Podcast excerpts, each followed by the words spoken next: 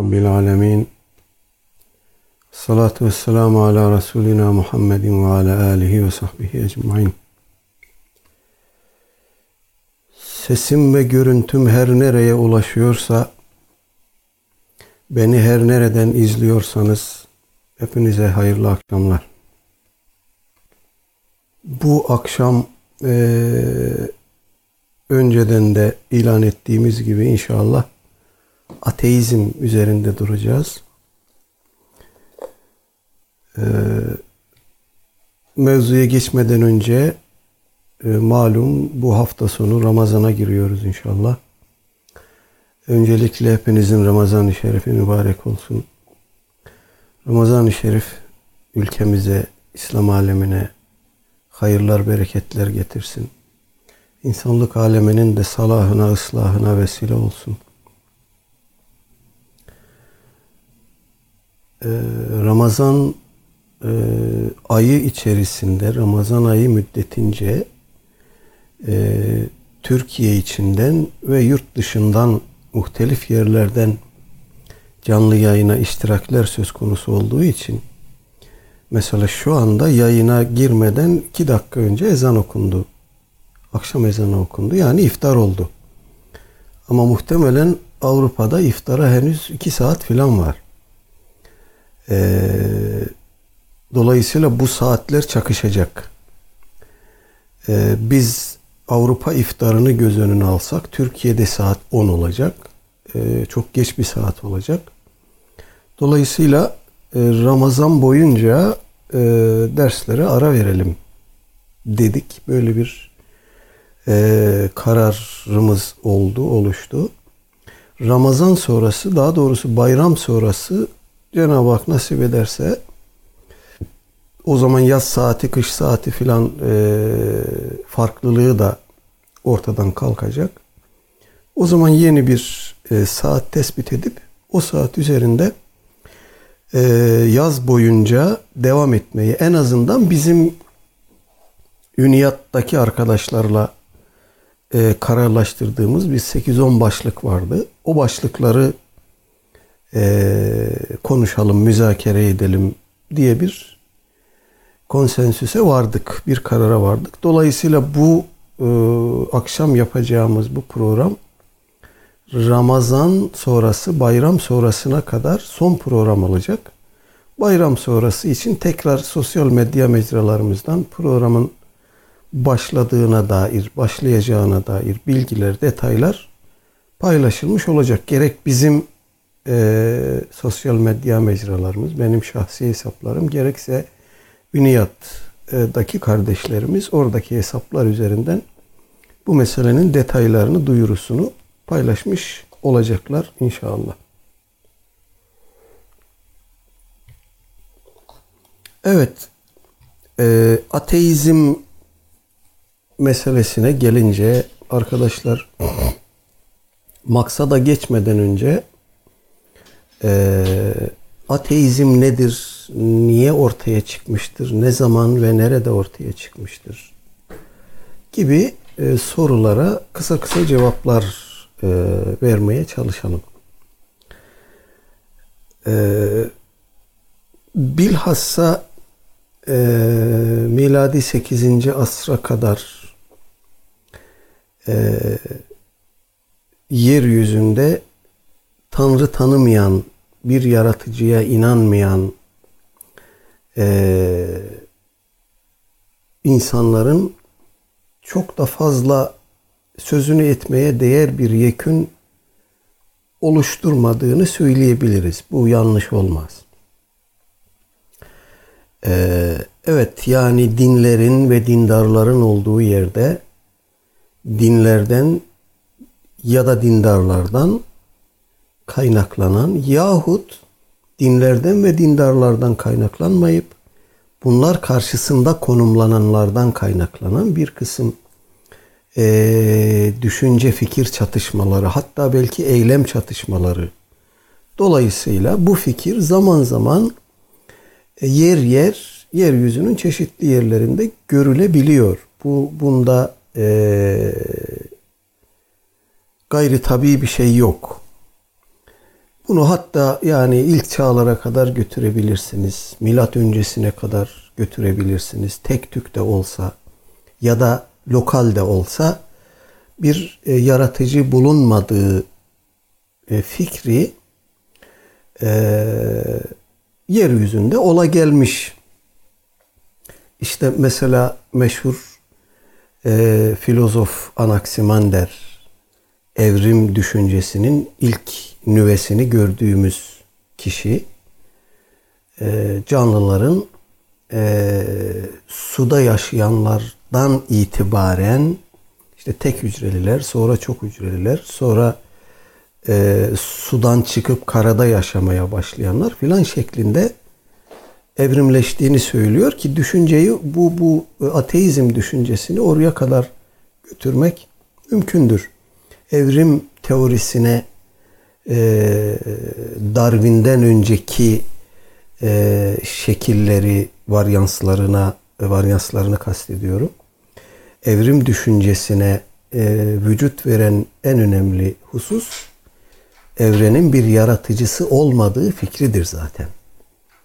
Varlığın, evrenin o, o çerçevede canlıların ve insanın e, işte bir kör tesadüfler zinciri sonucu oluştuğunu e, söyleyen ya da evrenin ezeli olduğunu iddia eden felsefeler e, ateizmin de aynı zamanda beşiği olmuştur. Fakat yani sistemli düşünce olarak ateizmin bir diyebiliriz ki inanç sistemi ya da inançsızlık sistemi olarak belirmeye başlaması büyük ölçüde 8. asır ve sonrasına dayanır. En ele gelir nüvelerini oralarda bu, bu zaman dilimlerinde buluyoruz. İslam coğrafyasında e, bu tarz düşünceler taşıyanlar var mıydı? Vardı. Bizim literatürümüzde ilhat ya da mülhit diye ifade ettiğimiz cereyan ve o cereyanın bağlıları, mülhitler yani, Tanrı tanımazlardı, ateistlerdi. Bir başka e, terminolojide dehriyun diye karşımıza çıkıyorlar. Yani naturalistler. E, bunlar da aynı şekilde Tanrı tanımaz ateist insanlar. Bunların da kendilerine göre bir felsefeleri, evreni, varlığı, insanı açıklama çabası var. Fakat e, deizmi anlatırken de değinmiştik. Batıda batılı toplumların geçirdiği bir kısım sosyokültürel, tarihsel, dini, siyasi, ekonomik süreçler e, önce protestanlığı sonra aydınlanma fikrini e, sürecini başlatmıştı demiştik. İşte tam o aşama e, protestanlığın ortaya çıkması ve insanın bağımsızlaşma düşüncesinin e, yaygınlaşmaya başlaması 16. asırdan itibaren ateist düşüncelerin, felsefelerin yavaş yavaş e, sistemli bir biçimde ifade edilmeye başladığını görüyoruz.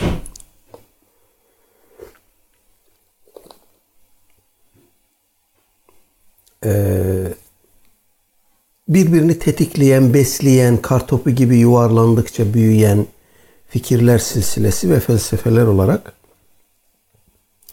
e, İngiltere'de buna benzer e, Galler'de e, ve Batı Avrupa'da bu fikri e, savunan çeşitli varyantlarıyla savunan pek çok insan ortaya çıktı. Aslında ateizm dediğimiz şeyin böyle bir yeknesak e, bir şey olduğunu, bir e, fikir, bir ideoloji olduğunu söylemek de çok mümkün değil. Çünkü birbirinden farklı ateizmler var. E, gerek argümentasyonları itibarıyla yani e, bu evreni, varlığı bir var eden bir yaratıcı vardır. İnancına karşı argüman geliştirirken farklı metotlar izleyen e, işte pasif ateizm ya da aktif ateizm gibi e, ya da e, çok tanrılı inanca karşı ya da tek tanrılı dinlere karşı muhtelif argümanlar geliştirmekle birbirinden yöntemde metotta farklılaşan ateizmler görüyoruz. Bu arada e, skeptisizm dediğimiz şüphecilik de ateizmle sık sık karıştırılır. E, oysa şüphecilik ateizm değildir. Şüphecilik ateizm bir kararın ifadesidir. Tanrı yoktur. Ama şüphecilik öyle değil. Olabilir de olmayabilir de der. Ee, bunun gibi birden fazla ateizm e, versiyonları olduğunu söylemek yanlış olmayacaktır. Ee, gene bu bağlamda e, özellikle e, işin sosyal medya boyutunda ya da internet e, boyutunda böyle biraz popüler e, seviyeye indiğinde e, çok yaygın bir hal aldığını gördüğümüz bir şey daha var. O da e, ateizm diye bize ifade edilen şeyin aslında mizoteizm olduğudur. Mizoteizm Tanrı'dan nefret etme halidir. Ee, internette, sosyal mecralarda filan ateist iddialar ya da argümanlar e, olarak önünüze, önümüze sürülen şeylere bir bakın. Aslında e, yaratıcı inancına, Tanrı fikrine ya da düşüncesine e, nefretle yaklaşan, Tanrı acımasız olamaz. Bak şu alemdeki e, zulümlere bir bak işte alemdeki kaosa bir bak vesaire böyle Tanrı bana lazım değil falan tarzı söylemlerle kendisini ifade eden bir mizoteizm Tanrı'dan nefret etme ideolojisi. Aslında mizoteizm tersinden bakıldığında bir Tanrı'ya bir ilaha inanır, inanan insanların ruh halidir. Çünkü kişi var olmadığını düşündüğü bir şeyden nefret etmez. Bu mantıksızdır. Ama burada varlığı itiraf edilmese bile bilinç altında kabul edilen dolayısıyla bu kabul üzerine bir nefretin bina edildiği bir tanrı fikri var ki e bütün bunları biz böyle bir çorba halinde ateist düşünce, ateizm falan gibi e, görüyor, konuşuyor. Belki de pratiklik sağladığı için bu nüansları ya da farklılıkları çok dile getirmiyoruz.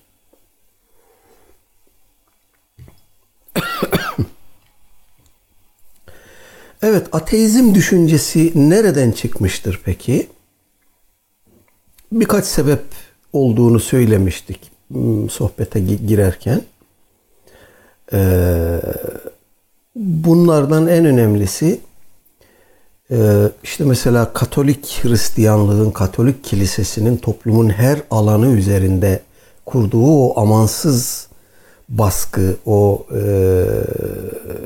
her alanı kontrol eden Engizisyon ideolojisi ve politikaları e, dinden ve dinin ifade ettiği, sembolize ettiği her şeyden nefret ve uzaklaştırma İkinci aşamada da bunları inkar edip bunlardan kurtulma, en azından fikren kurtulma ideolojisini doğurmuştur. Burada sebep Hristiyan dünyanın, kilisenin politikalarıdır. E, doymak bilmez iştahı ve ihtiraslarıdır. Burada insanlar bir çıkış yolu olarak eğer Tanrı varsa ve bu Hristiyanlık, bu kilise, bu politikalar, bu Tanrı'nın sonucu e, e, benimsediği bir politikanın sonucuysa, bu Tanrı'dan kaynaklanıyorsa bize bu din de bu Tanrı da lazım değil gibi bir düşüncenin ortaya çıkması tabii oluyor. İnsanlar en azından zihnen bu baskıdan, bu engizisyondan kurtulmanın yollarını arıyorlar yani. Ee, bu batıda Hristiyanlık olur. Efendim Hindistan'da Hinduizm olur.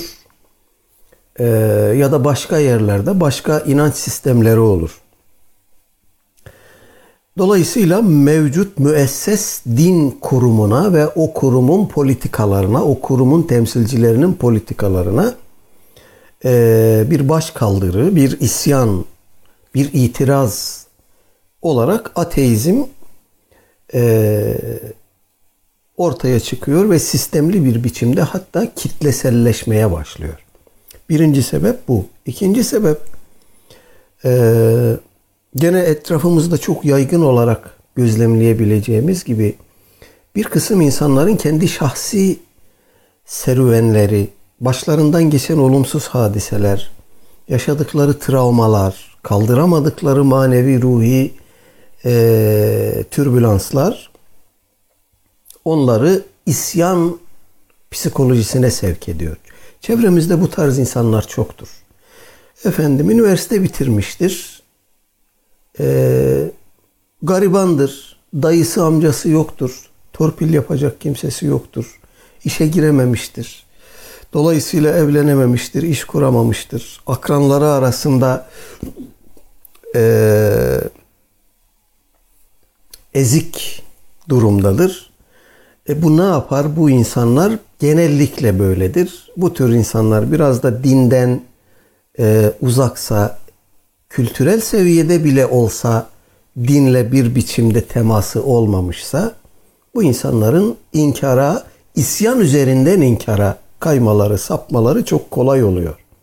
Eğer bir tanrı varsa benim halimi niye görmüyor gibi bir e, e, bodoslama bir mantıkla e, demek ki bir tanrı yok ki ben böyleyim e, noktasına geliyor. Az önce ifade ettiğim gibi bu aslında mizoteizmdir, ateizm değildir.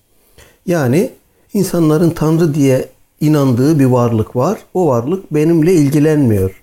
Benim çektiğim acıların, ıstırapların e, farkında değil ya da bunlar onun umurunda değil. O zaman ben de böyle bir tanrıya inanmıyorum. Bunu inkar ederek bir anlamda e, Tanrı'dan intikam alma psikolojisidir bu. Dolayısıyla ikinci sebep de budur. Ee, bir diğer sebep bu evrim e, gerek biyolojik planda gerek sosyal planda modernizmi var eden evrim ideolojisinin, tekamül, gelişme, ilerleme ideolojisinin e, tabii bir neticesi olarak ortaya çıkan ve e, geleneksel diye ifade edilen şeyi o şeyin sembolize ettiği, ihtiva ettiği ne varsa hepsini geçmiş zamanlara ait bir anlamda son kullanım tarihi geçmiş şeyler olarak gören ilerlemeci tarih anlayışıdır. Ee, arkadaşlar burada e, söz buraya gelmişken bir e, önemli gördüğüm bir noktayı e, parantez içi açmak istiyorum. Özellikle İslami metinlerde bu son zamanlarda bundan diyelim ki 30-40 sene öncesinden bu yana gördüğümüz bir kavramsallaştırma var. Gelenek, geleneksel, gelenekselcilik, işte tradisyonalizm e, ya da işte e, klasik düşünce filan. Bu tarz kavramları arkadaşlar kullanmayın. Bu kavramların e, arka planındaki düşünce ve dünya bize ait değil.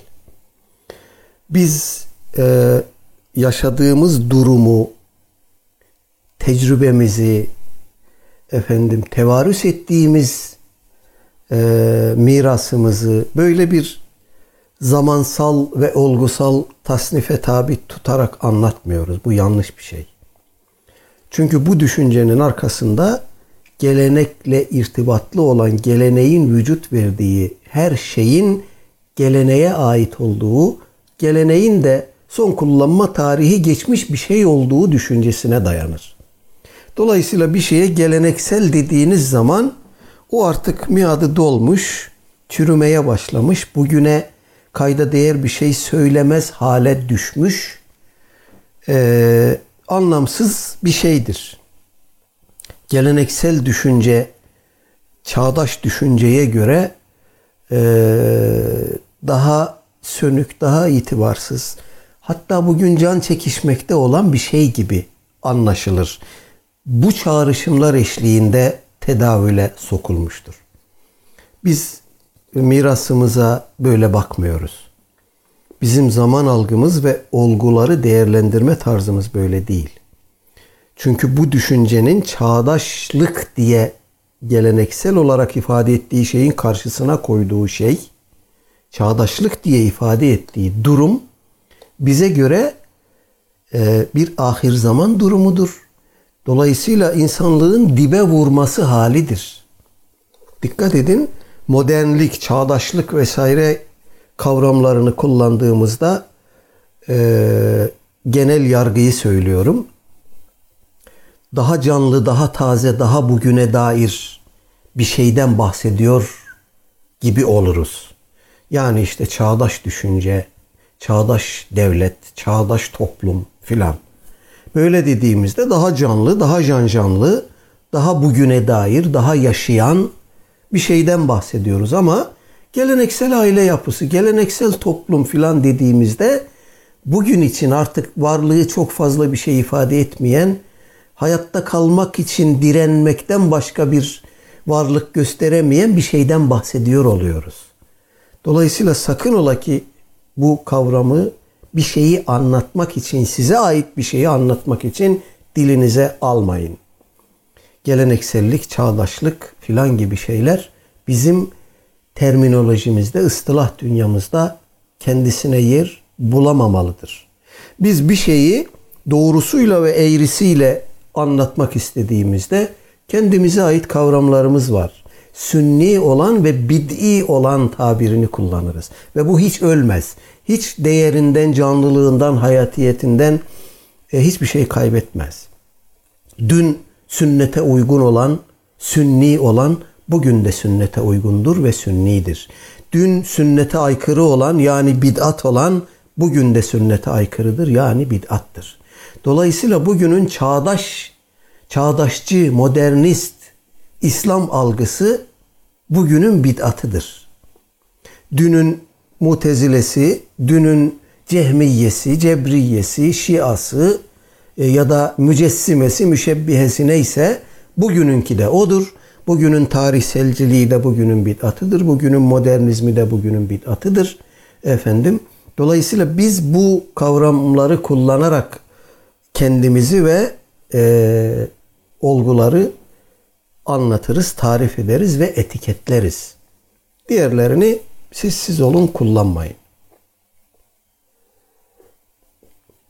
Evet dolayısıyla arkadaşlar ilerlemeci tarih ideolojisinin ilerleme ideolojisine sahip kitlelerin, insanların benimsediği e, dünya görüşü ve varlık algısı otomatik olarak dinlerin bir dine inanma e, durumunun geleneksel zamanlara ait bir şey olduğunu söyler. Modern zamanlara geçildiğinde artık insanı aşan, e, fizik dünyayı aşan e, ve fizik kanunlarla izah edilemeyen, ispat edilemeyen, görülemeyen, laboratuvara sokulamayan şeylerin aslında var olmadığını söyleme e, tavrını benimseyen bir ideolojik tavır alıştır. İşte bu tavır alış kendisini modern olarak ifade eden insanın modernizm öncesi her şeyi efendim tahkir etme, küçümseme, e, reddetme, efendim itibarsızlaştırma tavrının tabii bir yansımasıdır ateizm. Bir dine inanmak geleneksel dünyada bir şey ifade ederdi ama artık geleneksel dünyada yaşamıyoruz. Artık bilginin e, yegane güç olduğu, her şeyi, her alanı belirlediği bir dünyada yaşıyoruz. Bilgiden kastımız da bizim ispat edilebilir, e, laboratuvara sokulup mikroskopun altında gözlemlenebilir şeylerdir. Dolayısıyla bunları aşan, bunlarla izah edilemeyen şeyler anlamsızdır, hurafedir, ilkelliktir ve reddedilmelidir. İşte arkadaşlar ateist düşünceyi e, var kılan, ateist düşünceyi sistematik hale getirip kitleselleştiren, popülerleştiren kısaca bu ifade etmeye çalıştığım hususlardır. Yalnız bunu küçümsemeyelim. Ee, kayıtlar bize diyor ki e, dünyada üç tane büyük din var. Ee, sahip olduğu kelle sayısı itibarıyla Hristiyanlık işte ortalama 2 milyar insanın benimsediği bir din olarak ifade ediliyor. Arkasından Müslümanlık geliyor. Yaklaşık 1,5 milyar insanın bağlandığı din. Arkasından Hinduizm geliyor. Ee, yaklaşık 900 milyon, 1 milyar civarında insanın efendim e, aidiyet hissettiği sistem. Bunların arkasından dördüncü e, ideolojik sistem olarak ateizm geliyor. Bu son derece önemli bir veridir ve üzerinde ciddiyetle durulmalıdır. Dünya nüfusunun çok önemli bir kısmı e, giderek ateistleşiyor. Ülkemizde de bu böyle efendim hatta mesela Suudi Arabistan'da e, bir e, uluslararası bir anket şirketi bir anket yapmış. Suudi Arabistan'da yaşayanların yüzde beşi hiçbir dine inanmadıklarını söylemişler. Şeriatla yönetilen bir ülkeden bahsediyoruz tırnak içinde. Efendim yüzde yirmisi de dindar olmadıklarını söylüyormuş. Nüfusun yüzde yirmi beşinin dinle ilişkisi kopmuş vaziyette. Bu arkadaşlar Suudi Arabistan'a özgü bir şey değil.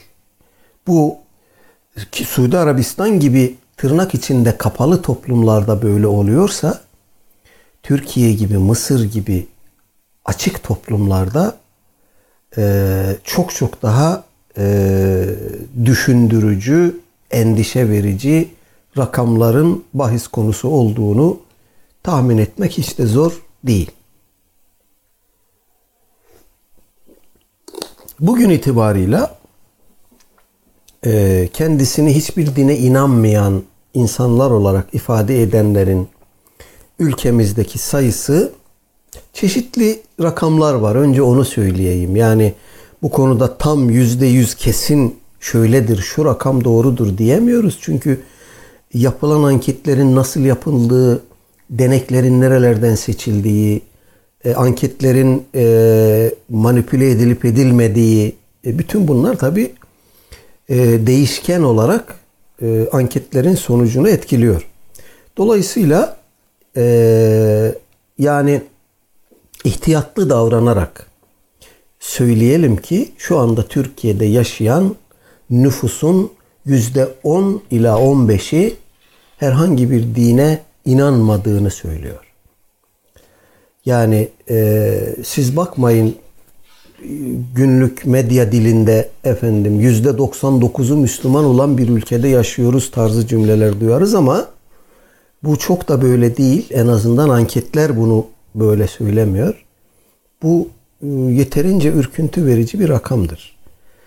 Ee, belki yüzde ondur, belki yüzde beştir, belki yüzde yirmidir.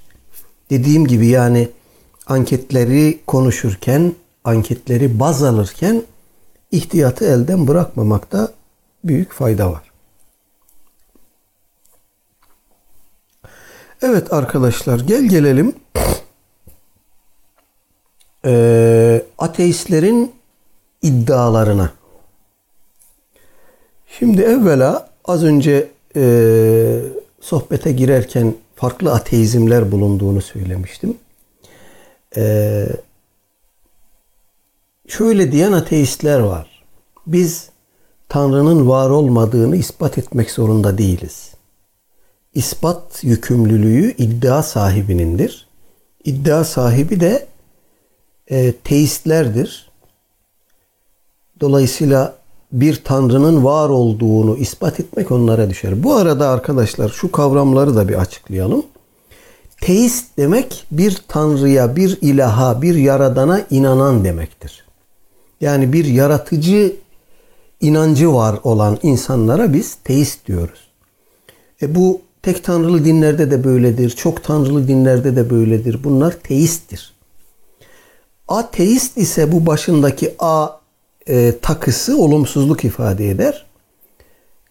Bir tanrıya inanmayanları anlatır. Ateist, teistin karşıtıdır. Bir de deistler var, deizm var ki geçen hafta bundan bahsettik. Belki bu kavramsallaştırmayı o zaman izah etmemiz gerekirdi. E, deist de bir tanrıya inanan ama bunun arkasından e, bir tanrıya inanmanın tabi neticesi olarak gelmesi beklenen şeylerin tamamını reddedenler. Yahut bir kısmı işte ahlaki öğretileri kabul edenler, ahireti kabul edenler bir kısmı da bunların hiçbirisini kabul etmeyip yaratmış ve kenara çekilmiş bir tanrıya inananlar. Evet dolayısıyla arkadaşlar bu e, negatif ateizmin böyle bir iddiası var. Biz Tanrı'nın mevcut olmadığını iddia, e, ispat etmek zorunda değiliz. Tanrı'nın var olduğunu söyleyenler onu ispat etmek zorunda. Bu iddialarını ispat etmek zorundadır derler. Buna karşılık e, pozitif ateistler derler ki hayır biz Tanrı diye bir şeyin bir yaratıcının var olduğuna inanmıyoruz. Bu e, bizim e, kabulümüzdür. Dolayısıyla bunu ispat etmek de bize düşer. İspat da ederiz derler ve kendilerine göre bir kısım metotlarla e, bu ispat işini gerçekleştirmeye çalışırlar. İfade etmeye çalıştığım sıralama içerisinde e, negatif ateizmin e, iddiasını, yaklaşımını esas alalım. Diyelim ki biz bir yaratıcının var olduğunu iddia ediyoruz. Dolayısıyla ispat yükümlülüğü de bizimdir. Bize düşer. Tamam. Buna varız. Bunu arkadaşlar birden fazla şekilde yapabiliriz. Bir yaratıcının varlığını ispat ameliyesini birden fazla metotla e, ortaya koyabiliriz. Bunlardan birincisi ta ilk çağlardan beri bilinen bizim kelam kitaplarımıza, usulüddin kitaplarımıza da girmiş olan, geçmiş olan e, bir kısım ispat e, metotlarıdır. Bunlardan birisi arkadaşlar klasik e, mantı felsefede e, nizam delili olarak bilinen bizim usulüddin kitaplarımıza da böyle geçmiş olan delildir. Nizam delili. Bu e, tüme varımcı bir e, yaklaşımın ürünüdür bu. Yani etrafınıza bakın, kendinize bakın, dünyaya bakın, yaratılmış her şeye bakın. Orada bir mutlak uyum, e, mutlak e, nizam, intizam, düzen görürsünüz. Eee bütün bu mükemmel düzenin, bütün bu mükemmel birbiriyle de çok sıkı ilişkili sistemin kendi kendine kör bir tesadüf sonucu oluştuğunu söylemek inandırıcı değildir. İmam Ebu Hanife Hazretleri için anlatılır. Bir genç bir çocukken Küfe'ye bir dehri gelmiş. Yani e, naturalist e, ve işte bana kim bir yaratıcı vardır deyip de bunu ispat ederse ona şöyle şöyle e, mükafatlar vereceğim şeklinde meydan okumalarda da bulunmuş. Efendim. İmam Ebu Hanife ben ispat edeceğim demiş. Tamam falan gün falan yerde falan saatte buluşalım diye randevuleşmişler. O gün o saat gelmiş. O dehri gitmiş. Efendim münazaranın yapılacağı yere orada millet halk da toplanmış. Fakat Ebu Hanife yok. Epeyce bir beklemişler. Arkasından nihayet Ebu Hanife çıkmış gelmiş. O dehri demiş ki sizin misafirlere karşı davranışınız böyle midir? Biz senden böyle mi randevuleştik? Şu saatte burada bulunacağız dedik. Ben o saatte geldim ama sen beni bak ne kadar zamandır bekletiyorsun. Efendim. İmam Ebu Hanife demiş ya kusura bakma. Ben bizim ev bu nehrin öbür tarafında. Ee, buraya gelirken sular baktım azmış, azgınlaşmış, köprüyü yıkmış. Efendim bekledim. Ee, ağaçlar bir köprü teşkil edecek şekilde yerlerinden sökülsün. Gelsin birbirine sıkıca bağlansın. Ondan sonra nehrin bir ucundan öbür ucuna, bir kıyısından öbür kıyısına uzanacak şekilde birbirlerini tutarak bir köprü oluştursunlar. Ondan sonra ben de oradan geçip geleyim. Kusura bakma bu iş biraz zaman aldı. Ağaçları bekledim falan deyince adam demiş ya bu çocuğu mu siz getirdiniz benim karşıma?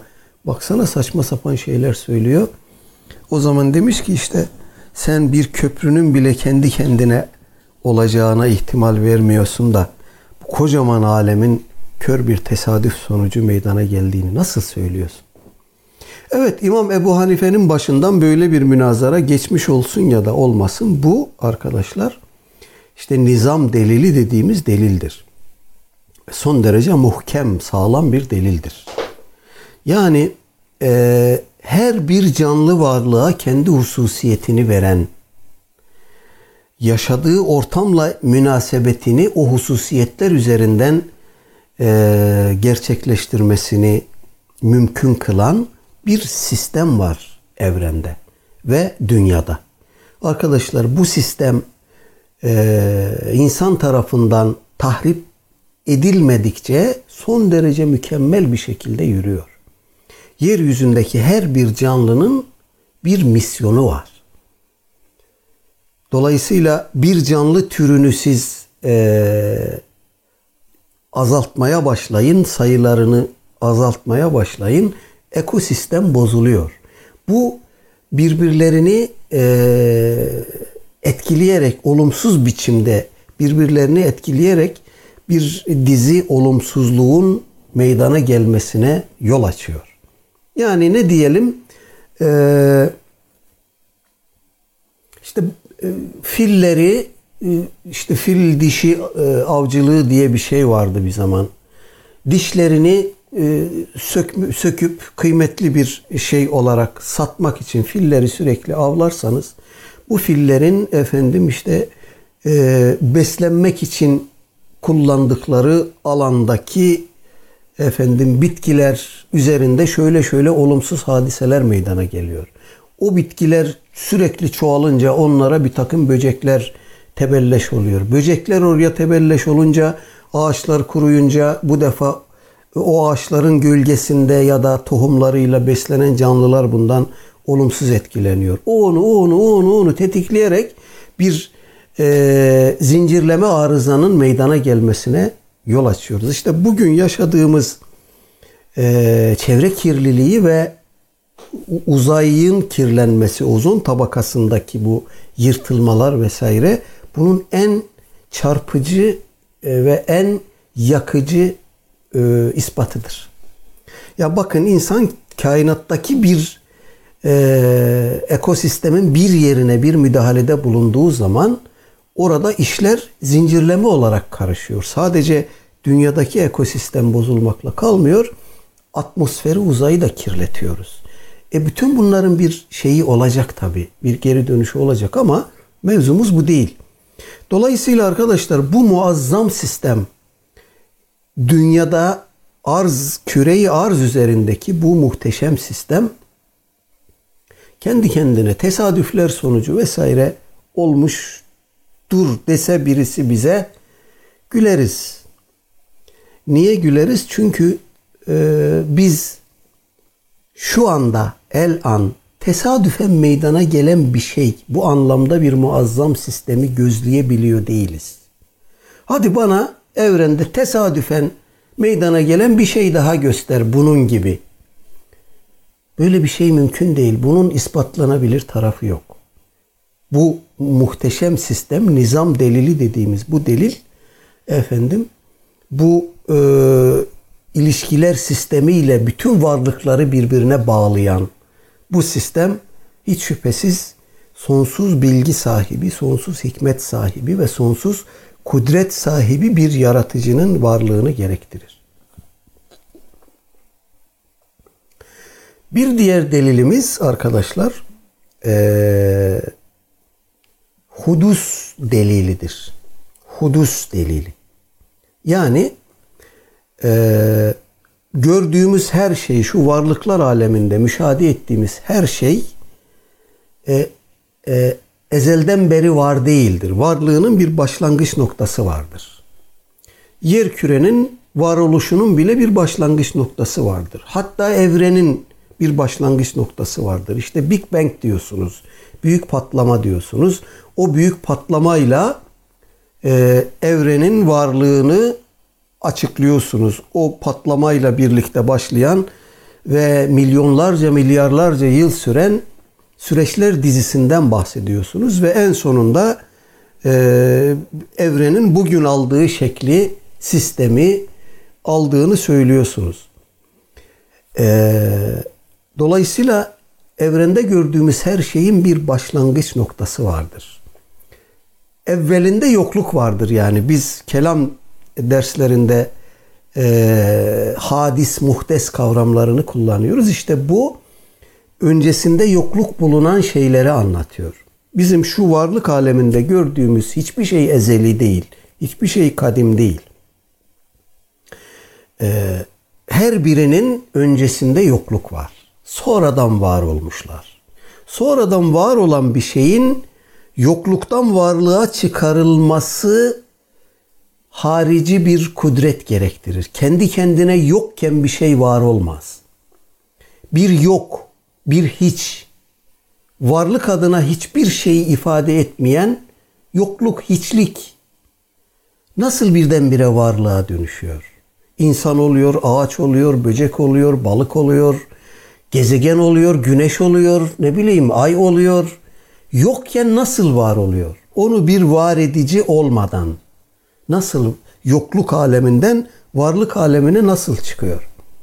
Kendi kendine mi diyorsun? O zaman bunu da bugün de yokluktan varoluşa çıkan bir şey e, madem ki laboratuvara sokup deney gözlem ile ispat edemediğimiz şeyleri inkar ederiz. Böyle şeyler yoktur deriz diyorsunuz ya. Bu, bu, bu mantıktan hareketle yaratıcıyı inkar ediyorsunuz ya. Hadi o zaman bize yoktan var olma, kendi kendine yoktan var olma e, şeklindeki bu iddianızın, bu argümanınızın ispatını yapın. Bir şeyin yoktan var olduğunu bize deneyle, gözlemle gösterin. Bu da mümkün değil. Bir şeyi kendi kendine yoktan var olamaz. Onu mutlaka bir var eden vardır. Onu var eden diyelim ki ondan önceki bir tesadüfi varoluş olsun. O tesadüfi varoluşu var eden de mutlaka harici bir şey vardır. O da diyelim ki bir tesadüfi varoluşla var olmuş bir etken neticesinde olsun. Bunu böyle zincirleme geriye doğru nereye kadar götürebiliriz? Biz bunu arkadaşlar teselsül diyoruz. Kelam dilinde, usulüddin dilinde ve teselsül batıldır. Çünkü kendi kendine yokken kendi kendine var olan bir şey başka bir şeyin yoktan var olması sonucunu doğuruyor. O da öbürünün, o da öbürünün, o da öbürünün. Bu arkadaşlar geriye doğru bu süreç yürütülmeye başladığında bir yerde durmak zorundadır. Aksi halde yoktan varoluşun ezeli olduğunu söylemiş oluruz. Bir şey ezeli ise onun öncesinde yokluk bulunduğunu söylemek mantıksızlık olur. Çünkü ezeli olan bir şeyin öncesinde yokluk bulunmaz. Onun öncesi yoktur çünkü. Ezel demek Kıdem demek öncesizlik demektir. Yani zaman dışılık, zaman üstülük demektir. Herhangi bir şey zaman dışıysa, zaman üstüyse onun varlığı zorunludur ve kendindendir. Başka bir kör tesadüfün ya da bir var edicinin varlığına muhtaç değildir. Çünkü böyle bir ihtiyaç söz konusu olduğunda geriye doğru bu zincirleme, bu teselsül hemen devreye girecek. O onu var etti, o onu var etti, o onu var etti. Geriye doğru ne kadar götürebilirsiniz bunu? Kör tesadüfler bir şeyleri nasıl yoktan var ediyor ve bu geriye doğru nasıl ezeli ve kadim oluyor? Bu mantıksızdır. Burada ateistlerin e, bir itirazı olabilir. Diyebilirler ki biz matematikte sonsuzluk kavramını kullanıyoruz. Efendim işte 8 e, üzeri sonsuz bilmem ne. Bunu matematikte kullanıyoruz. Demek ki sonsuzluk olabilir, mümkündür. Yani rakamlar için mümkün olan bu sonsuzluk varlıklar için de söz konusu olabilir diyorlar ama eğer böyle bir argüman ileri sürerlerse burada onların e, bir komik iddia ileri sürdüklerini söyleriz. Çünkü bu rakamların sonsuzluğu netice itibariyle bizim soyut kabulümüze dayanıyor. Bunu biz laboratuvara sokup ispat edebilmiş değiliz. Bizim zihni bir kabulümüzdür bu. Bir takım sorunları, problemleri çözmek için bunu kabul etmişiz ve kullanıyoruz. Ama somut varlıklar alemine gelince söz, orada soyutluklardan bahsetmiyoruz. Somut, mücessem, müşahhas varlıklardan bahsediyoruz. Ve bu varlıkların yoktan hiçten varlık alemine çıkmasından bahsediyoruz. Elle tutulup gözle görülen varlıklar aleminden bahsediyoruz. Dolayısıyla bu açıklama komik olur. Bir diğer delilimiz arkadaşlar e, ihtira delilidir. Biz buna e, Cenab-ı Hakk'ın El-Bedi' ismi şerifinden hareketle evrenin orijinalitesi diyoruz. Evren o kadar orijinal ve o kadar benzersiz ki arkadaşlar. Ee, Cenab-ı Hak kendi zat-ı uluhiyetinden bahsederken Bedi'us semavati vel ard buyuruyor. Semavatı ve arzı, gökleri ve yeri örneksiz ve emsalsiz biçimde yaratan. Hem yoktan var eden hem emsalsiz, örneksiz biçimde var eden. Son derece orijinal. Son derece emsalsiz, benzersiz. İşte bu ihtira delili, orijinalite delili de evrende gördüğümüz bu sistemin e, benzersizliği de bu evreni bir var eden gücün varlığını ortaya koyan e, ve itirazı mümkün olmayan delillerden birisidir. Ee, burada arkadaşlar e, az önce benim e, mizoteist olarak ifade ettiğim ki literatürde de böyle ifade edilen kesimlerin e,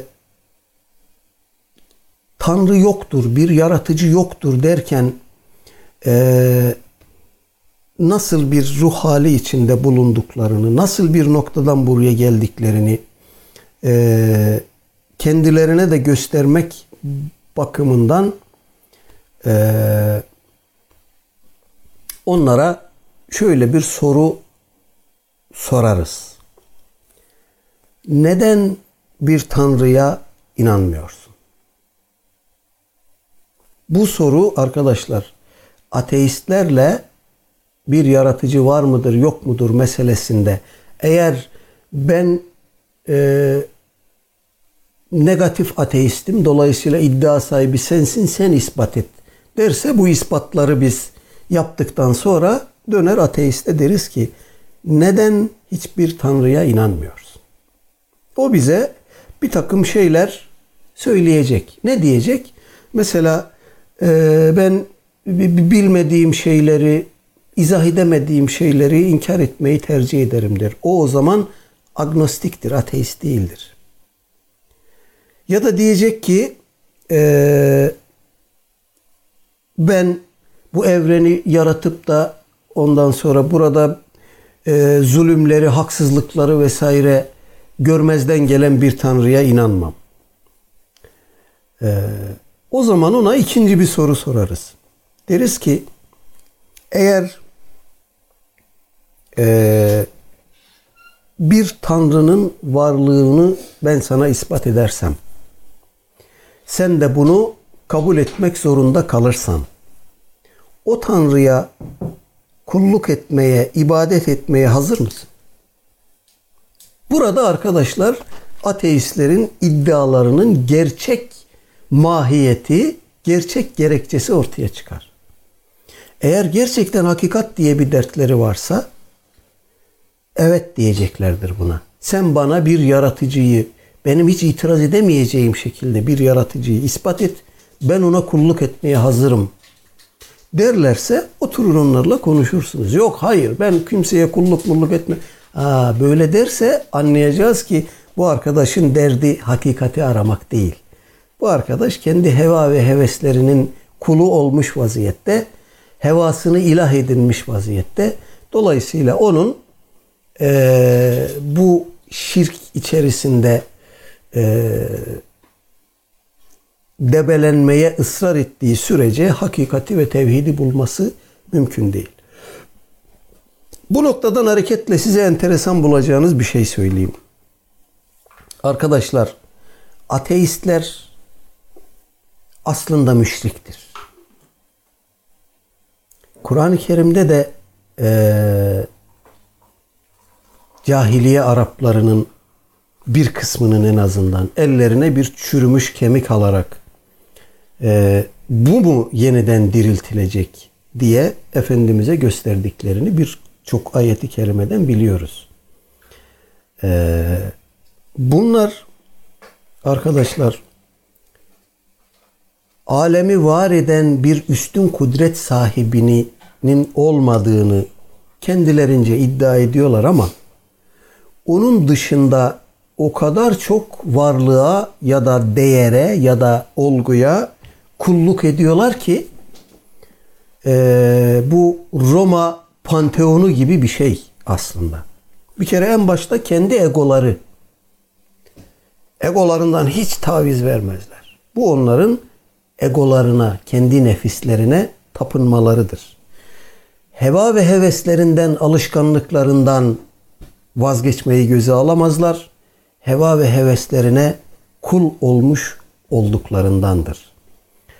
Ee, bu dünyada değer verdikleri ne varsa, bu cinsellik olabilir, bu hırpanilik olabilir, bu para olabilir, bu ne bileyim e, şan şöhret olabilir, efendim başı bozukluk olabilir. Evet onu da ilah edinmiş vaziyetteler. Dolayısıyla bu arkadaşların bu alemin yaratıcısını inkar ederken aslında tapındıkları, perestiş ettikleri eskilerin tabiriyle birden fazla tanrıları var. Bu arkadaşlar aslında müşrik. E bunların bir kısmı da arkadaşlar ee, çok yani kafasını kullanmak bu arkadaşlara biraz lüks geliyor, ağır geliyor, fazla geliyor. Boş vermeyi tercih ediyorlar. Bu da nihilizmdir. Yani bilmiyorum ya beni böyle şeylerle meşgul etme. Ben inanmıyorum. Tanrı manrı falan boş ver. Hayatına bak, işine bak. Hiçbir değer yok. Bu dünyada değer verebileceğimiz hiçbir şey yok. Aslında arkadaşlar bir ateist dürüstse böyle demesi lazım. Bir ateist dürüstse böyle demesi lazım. Ateistlerin hiççi, nihilist olması lazım. Neden derseniz. Çünkü bu arkadaşlara göre e, insan dediğimiz bu canlının varlığı bir evrimleşme sonucu olmuştur.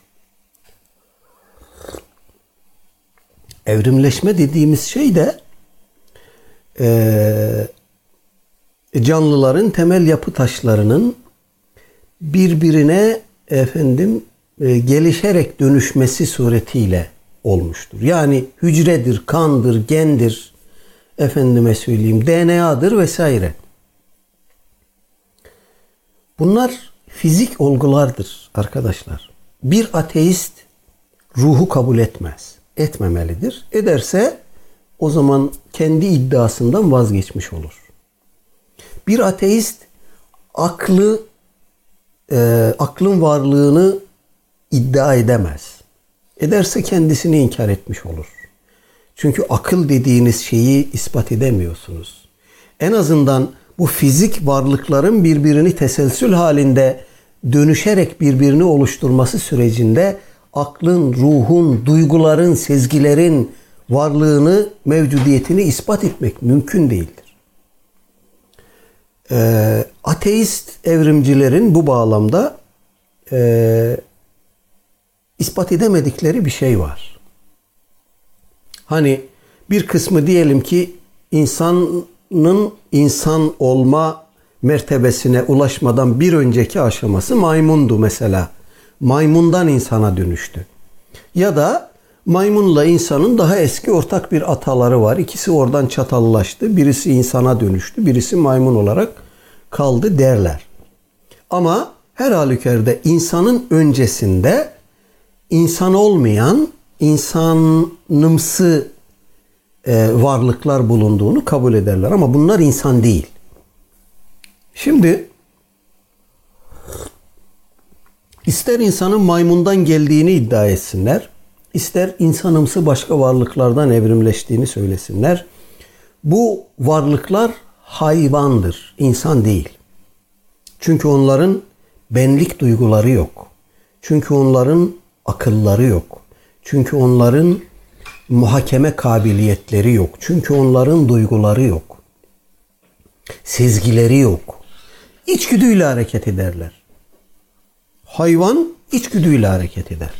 Ama insan, insanın benlik duygusu var, hisleri var, sezgisi var, aklını kullanıyor, sentez yapıyor, analiz yapıyor, bir şeyler keşfediyor, üretiyor filan falan. Yani hayvanla insanı birbirinden ayıran temel e, özellikler var.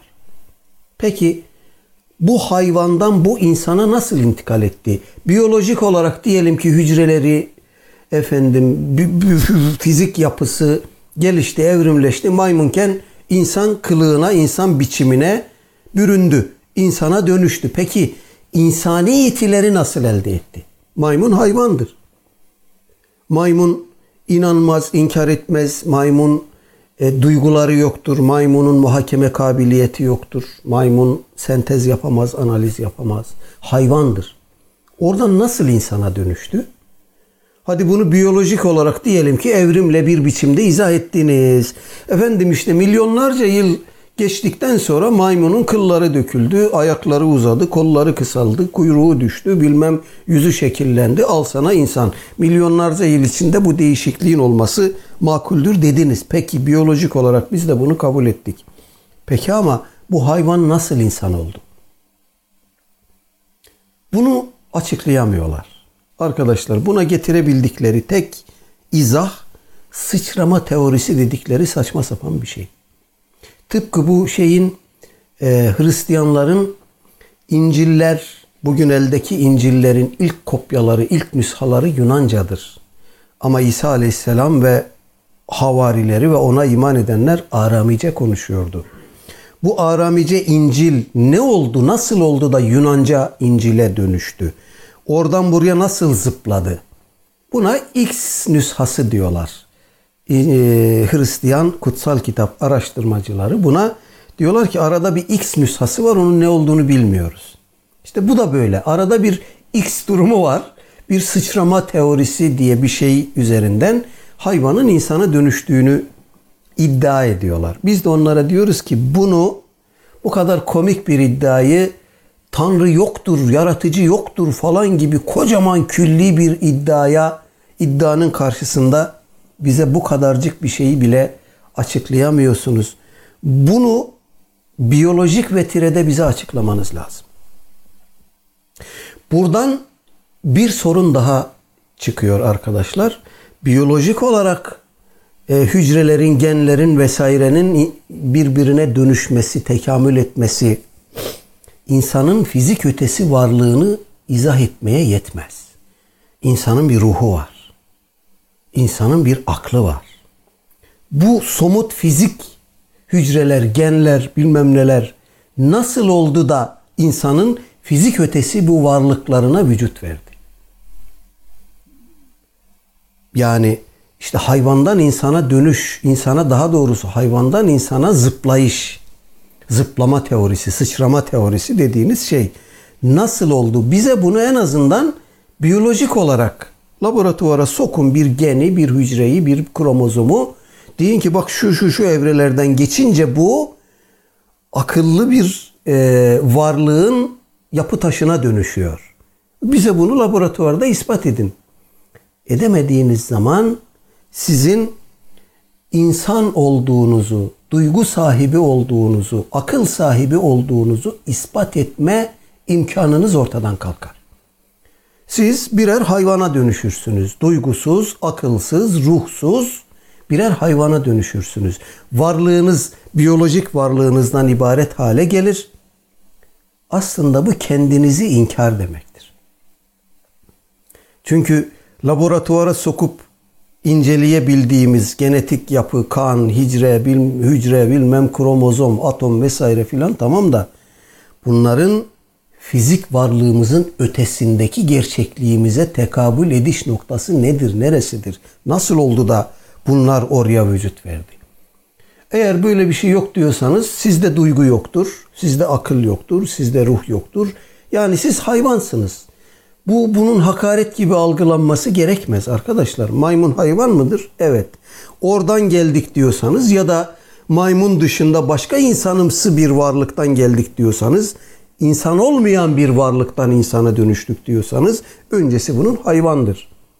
Dolayısıyla siz de o fizik ötesi hakikatlerinizi inkar ettiğiniz zaman ki ispat edemiyorsunuz çünkü yani laboratuvarla, deneyle bilmem neyle o hücrelerin genetik yapının bize nasıl duygu, his, sezgi verdiğini ispat edemiyorsunuz.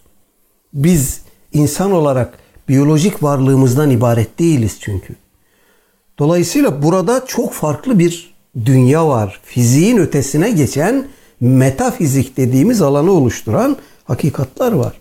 Bir ateist e, bunu ispat edemediği sürece arkadaşlar kendi insan oluşunu ispat edemez. Ve bir hayvan olarak ifade edilmeye mahkum olarak kalacaktır. O zaman ateistlerin Müslüman olarak bize yönelttikleri bir kısım itirazlar e, söz konusu. Onlara bakalım. Onlar üzerinden e, devam edelim. E, kendisini ateist olarak ifade edenler aslında işte agnostikler ya da ne bileyim naturalistler e, ya da mizoteistler genellikle e, dünyadaki dengesizliklerden varlıklar aleminde müşahede ettikleri bir kısım hadiselerden hareketle e, bir tanrı varsa bunlar niye oluyor sonucuna gidiyorlar. Buradan Tanrı yoktur noktasına kendilerince ulaşıyorlar. Efendim bir Tanrı varsa o Tanrı bazı insanların acı çekmesine, bazı insanların ezilmesine, horlanmasına, zulüm görmesine neden sessiz kalıyor? Ee, burada ateizmin çok önemli bir çıkmazı daha arkadaşlar ee, gündeme geliyor ki biz ona hikmet delili diyoruz. Bu kainattaki hiçbir şeyin varlığı hikmetsiz değildir. Boş yere sebepsiz ve anlamsız değildir. Dolayısıyla insanın varoluşu da böyledir. Eğer bu kainatta gördüğümüz haksızlıkların bir hesabı, fedakarlıkların bir mükafatı, iyiliklerin efendim ödülü, kötülüklerin cezası söz konusu olmasaydı bu dünya yaşanılamayacak bir yer haline gelirdi. Dolayısıyla biz diyoruz ki bütün bunların bir hikmeti var. kötüler kötülüklerinin cezasını mutlaka görecektir, görmelidir. İyiler de iyiliklerinin mükafatını görmelidir. Aksi takdirde bizim buradaki varlığımızın bir anlamı yok. Dolayısıyla mazlum, dolayısıyla mağdur öyle bir alem olacak ki orada kendisini mazlum ve mağdur durumuna düşürenlerden hakkını alacak. Böyle olmak zorundadır. Aksi halde varlık anlamsızlaşır. Efendim. Dolayısıyla biz diyoruz ki ahiret var. Biz diyoruz ki şaşmaz ölçülerle hesapların görüleceği zerre kadar iyiliklerin de zerre kadar kötülüklerin de karşılığını bulacağı mutlak adaletin hüküm süreceği bir dünya ve sonsuz bir dünya var. Buradaki varlığımızın, burada yaşadıklarımızın anlamı budur. Bunların varoluşunun hikmeti budur. Kötülere, zalimlere efendim imkan veriliyorsa, fırsat veriliyorsa bu yaratıcının bizi ihmal etmesinden, haşa unutmasından değil. Bu yeryüzüne hakim kıldığı yasalar gereği insanlara verdiği iradeler ve imtihan icabı böyledir. Ama insan dünya değiştirdikten sonra burada yapıp ettiği şeylerin her birinin tek tek hesabı sorulacak.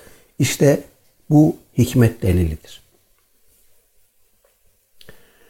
E, ateistlerin bize söyleyeceği, yönelteceği bir itiraz var. Efendim, e, hayvanlar aleminde çok acımasız bir şey görüyoruz. Sistem görüyoruz. Acımasızlık üzerine kurulu. Efendim aslanlar geyikleri parçalıyor. Timsahlar bilmem e, bizonları parçalıyor. E, böyle bir güçlü olanın güçsüz olanı ezdiği, yediği, horladığı bir sistem var. Dolayısıyla bu acımasız bir dünya. E bu dünyayı yaratıcı varsa eğer niye böyle yaptı? Arkadaşlar e, burada bu delilin e, aslında bir delil olmadığını kısa yoldan şöyle gösterebiliriz. Bizim acımasızlık olarak gördüğümüz şey gerçekten acımasızlık mıdır? Bizim duygularımız, hislerimiz gerçek midir? Bizim algılarımız gerçek midir? Hayır, aslında bunlar öğretilmiş şeyler. Arkadaşlar, bunlar öğretilmiş şeyler. Yani ee, eğer bir tanrı varsa aslanlar geyikleri parçalamamalı. Ne alakası var? Canlılar alemindeki o muazzam sistemden bahsetmiştik ya. İşte o sistem böyle bir ilişkiler ağı üzerine kurulu. Siz e, yerden bir çiçeği koparıp yakanıza taktığınızda bu o çiçeğe zulüm müdür? Ya da siz bir tavuğun yumurtasını alıp yediğinizde bu o tavuğa zulüm müdür? Ya da tavuğu kesip yediğinizde ya da balığı kesip yediğinizde ya da ne bileyim vegansanız ya da vejetaryenseniz bitki yiyorsunuz. Bitkilerin de canı var.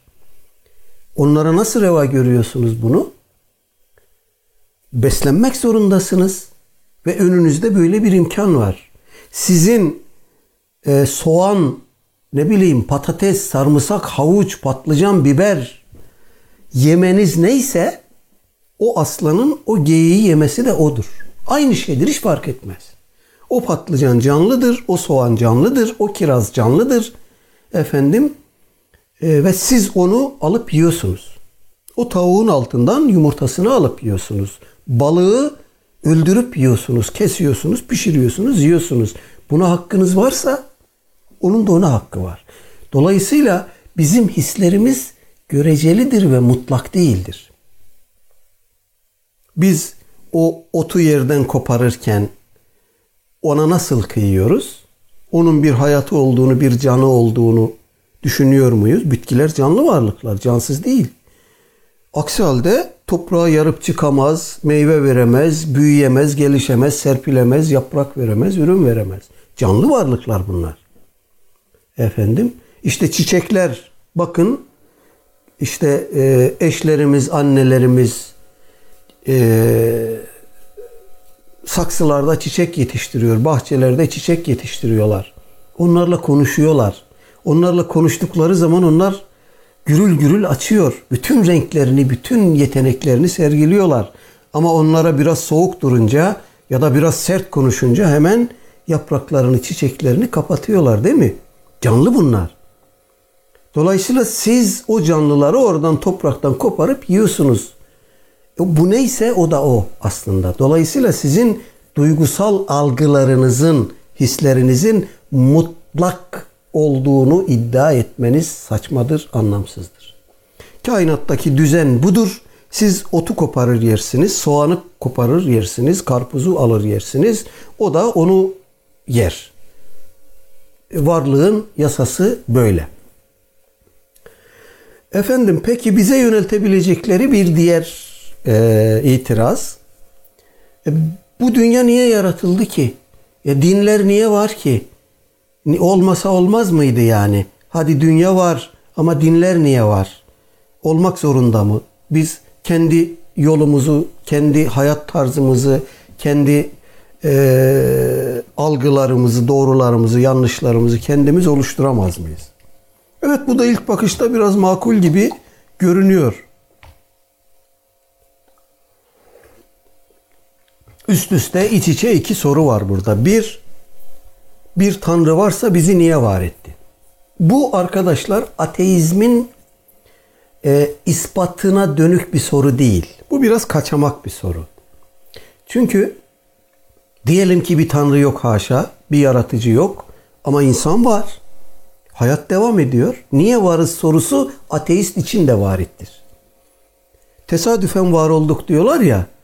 Niye peki? Buradaki anlamınız nedir sizin? Burada varoluşunuzun anlamı nedir? Buna bir anlam tayin edin.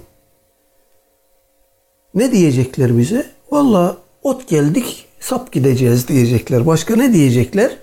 Buradaki varlığı anlamlandırmak için ne diyebilirler ki? Geldik gidiyoruz. Üç günlük dünya yiyip içelim, eğlenelim. Ölünce toprak olup gideceğiz.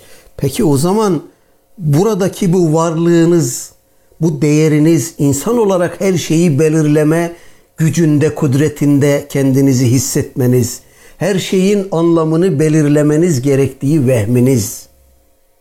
Sonunda toprak olacak olan bir varlık niye bu kadar kendisini önemsiyor ki? Kendi varlığını niye bu kadar büyütüyor ki acaba? Tesadüften geldi yokluğa gidecek. Ne önemin var ki senin? O aslanın parçaladığı geyikten farkın ne senin?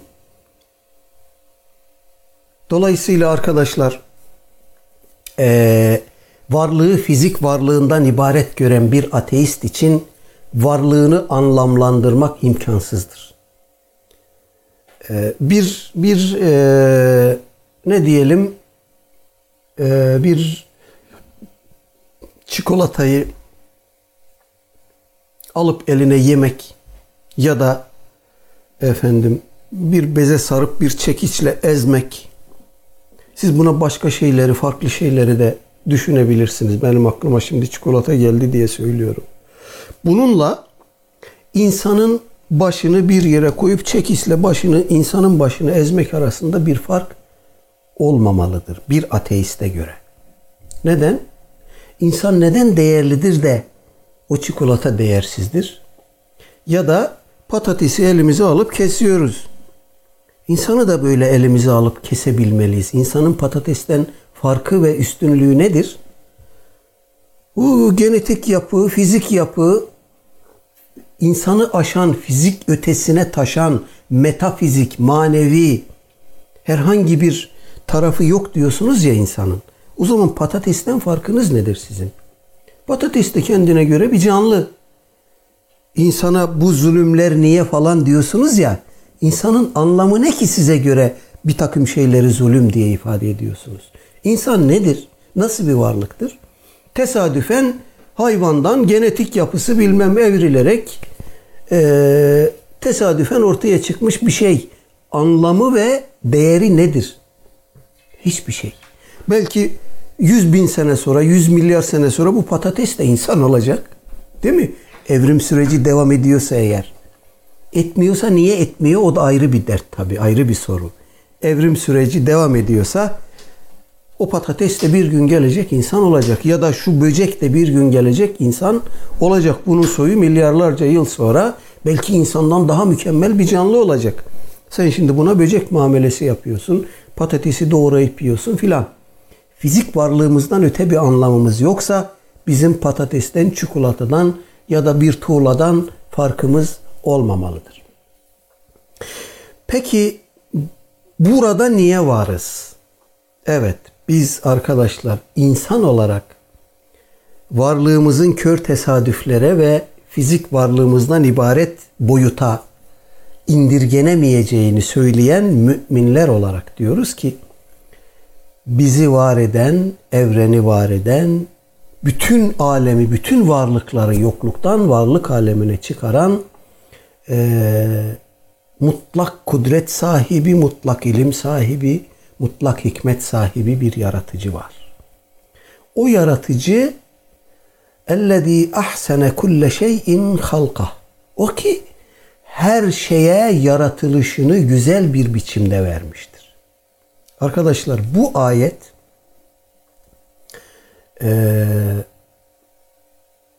kendini Müslüman olarak ifade eden evrimcileri zora sokan evrimcilerin başını taştan taşa vuran bir ayet. Ellezî ahsene kulle şeyin halka. Her şeye hilkatini en güzel biçimde yapan, veren odur. Demek ki arkadaşlar öyle bir şeylerden otomatik dönüşme diye bir şey yok. Her varlığın kendine mahsus müstakil bir hilkati var, bir yaratılışı var. Biz böyle inanıyoruz. Dolayısıyla insan insandı, balık balıktır, kuş kuştur, örümcek örümcektir, efendim ee, fil fildir. Ve bizim insan olarak eşrefi mahlukat olduğumuzu da gene bizi yaratan haber veriyor. Siz eşrefi mahlukatsınız. İnsanı en güzel kıvamda yarattı Cenab-ı Hak değil mi? En güzel kıvamda.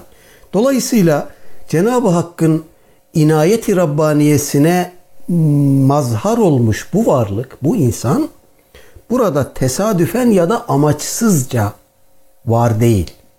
Bir amacı var. Burada insanın varoluş amacı Cenab-ı Hakk'ın yeryüzündeki, yeryüzünü var etmedeki, insanı var etmedeki muradını gerçekleştirmektir. İnsan yeryüzünde Allah'ın temsilcisidir. Onun hükümlerini alır, öğrenir, yaşar, yaşatır ve çevresine yayar. Cenab-ı Hakk'ın istediği insanın fıtri hayatıdır. Fıtri hayat.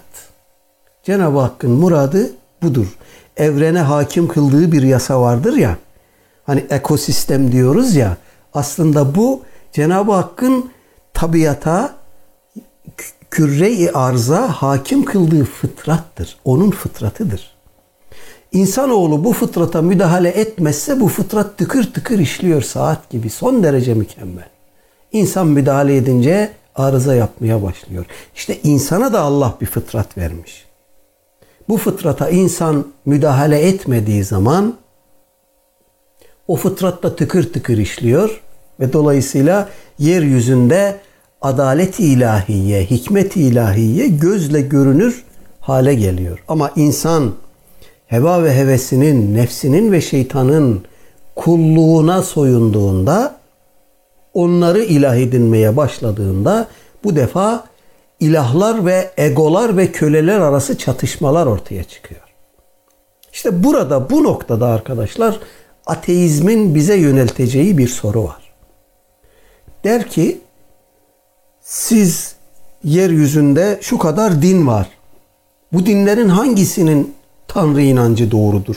Bu dinlerin hangisi doğrudur? Her biri kendinin doğru olduğunu iddia ediyor. Siz de Müslüman olarak Bizim dinimiz en doğrudur diyorsunuz, öbürleri batıldır diyorsunuz.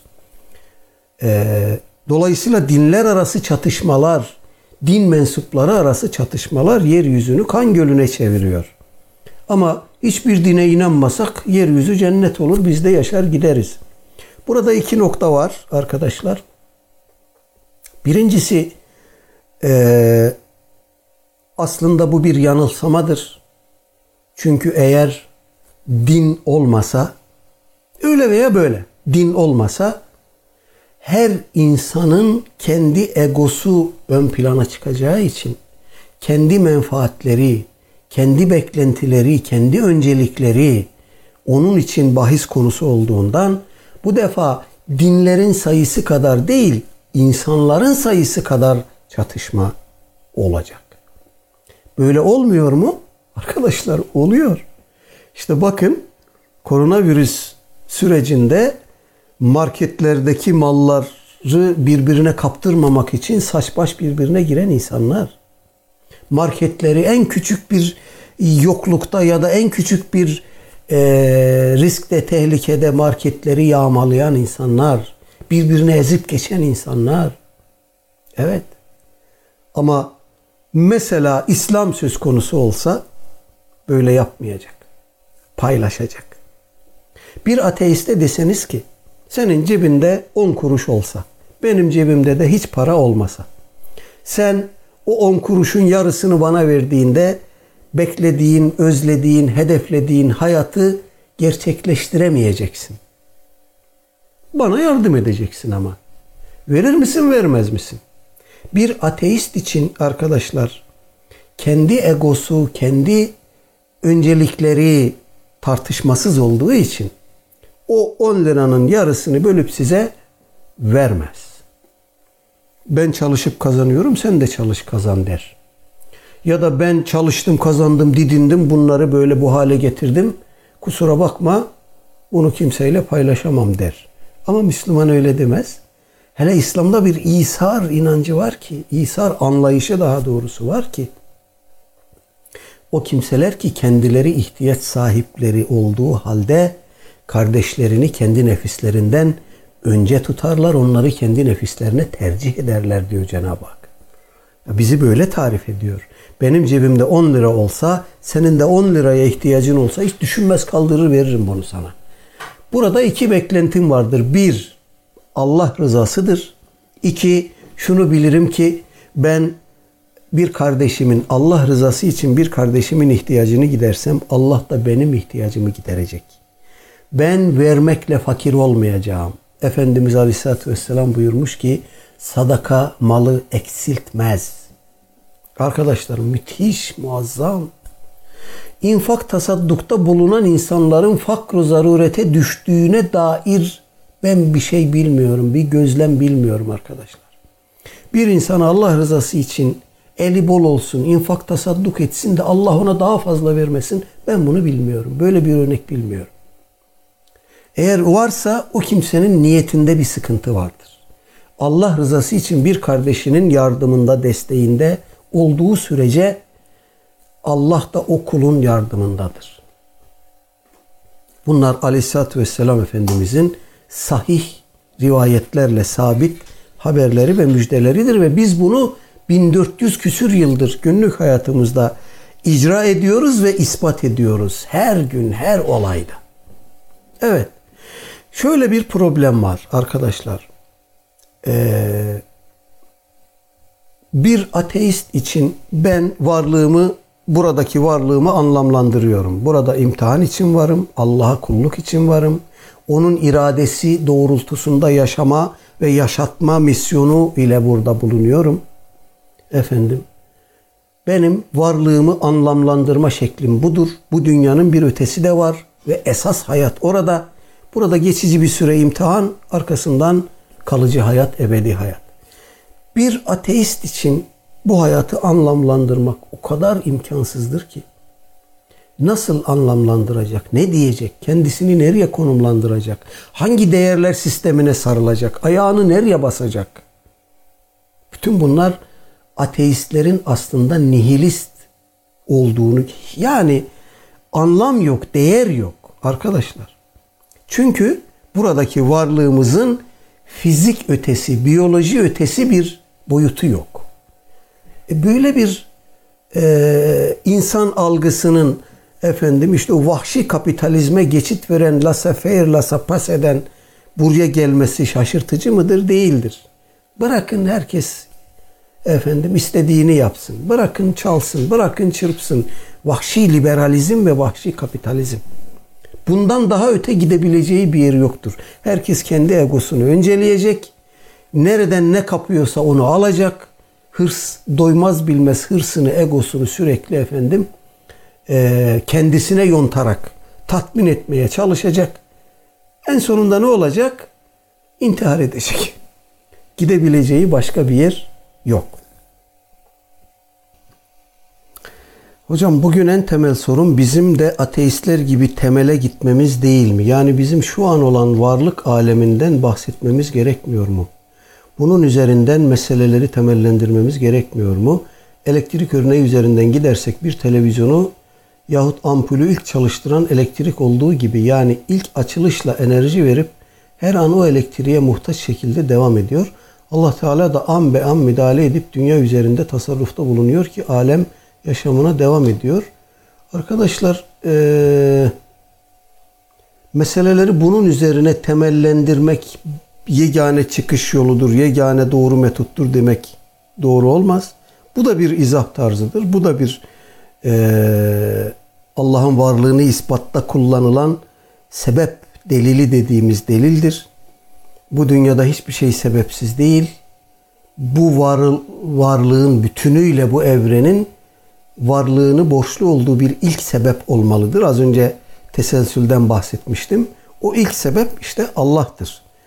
Ateistlere göre tesadüftür, bize göre Allah'tır.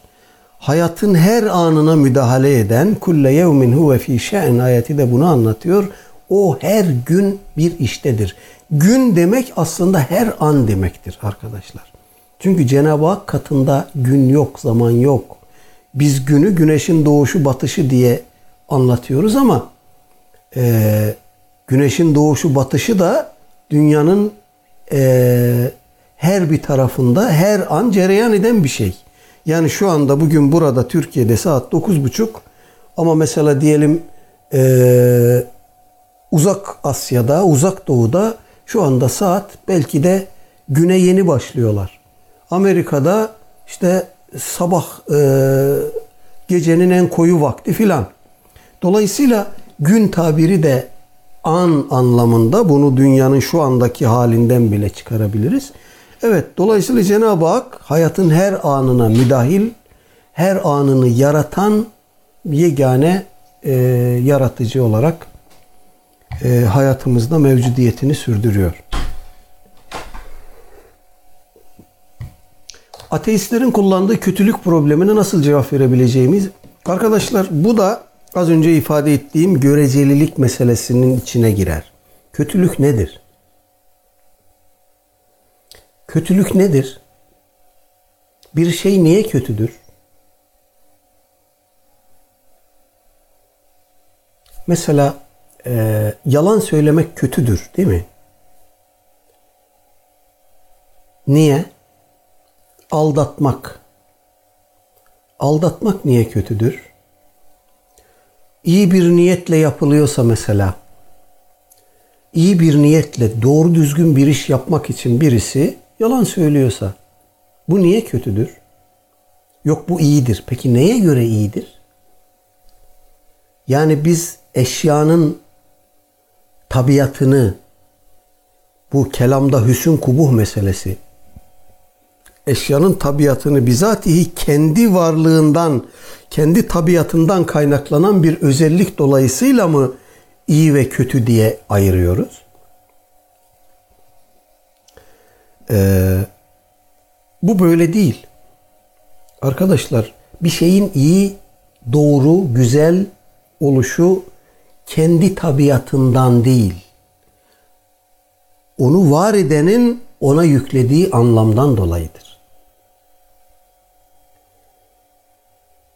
Bir şeyin kötü olması, çirkin olması, efendim mezmum olması eskilerin tabiriyle gene onun tabiatından değil, yaratanın ona yüklediği anlamdan dolayıdır. Bizim akla evvel kendisini Müslüman olarak ifade eden ateistlerin e, anlamadığı nokta, kafalarının basmadığı nokta burasıdır. Ne diyorlar?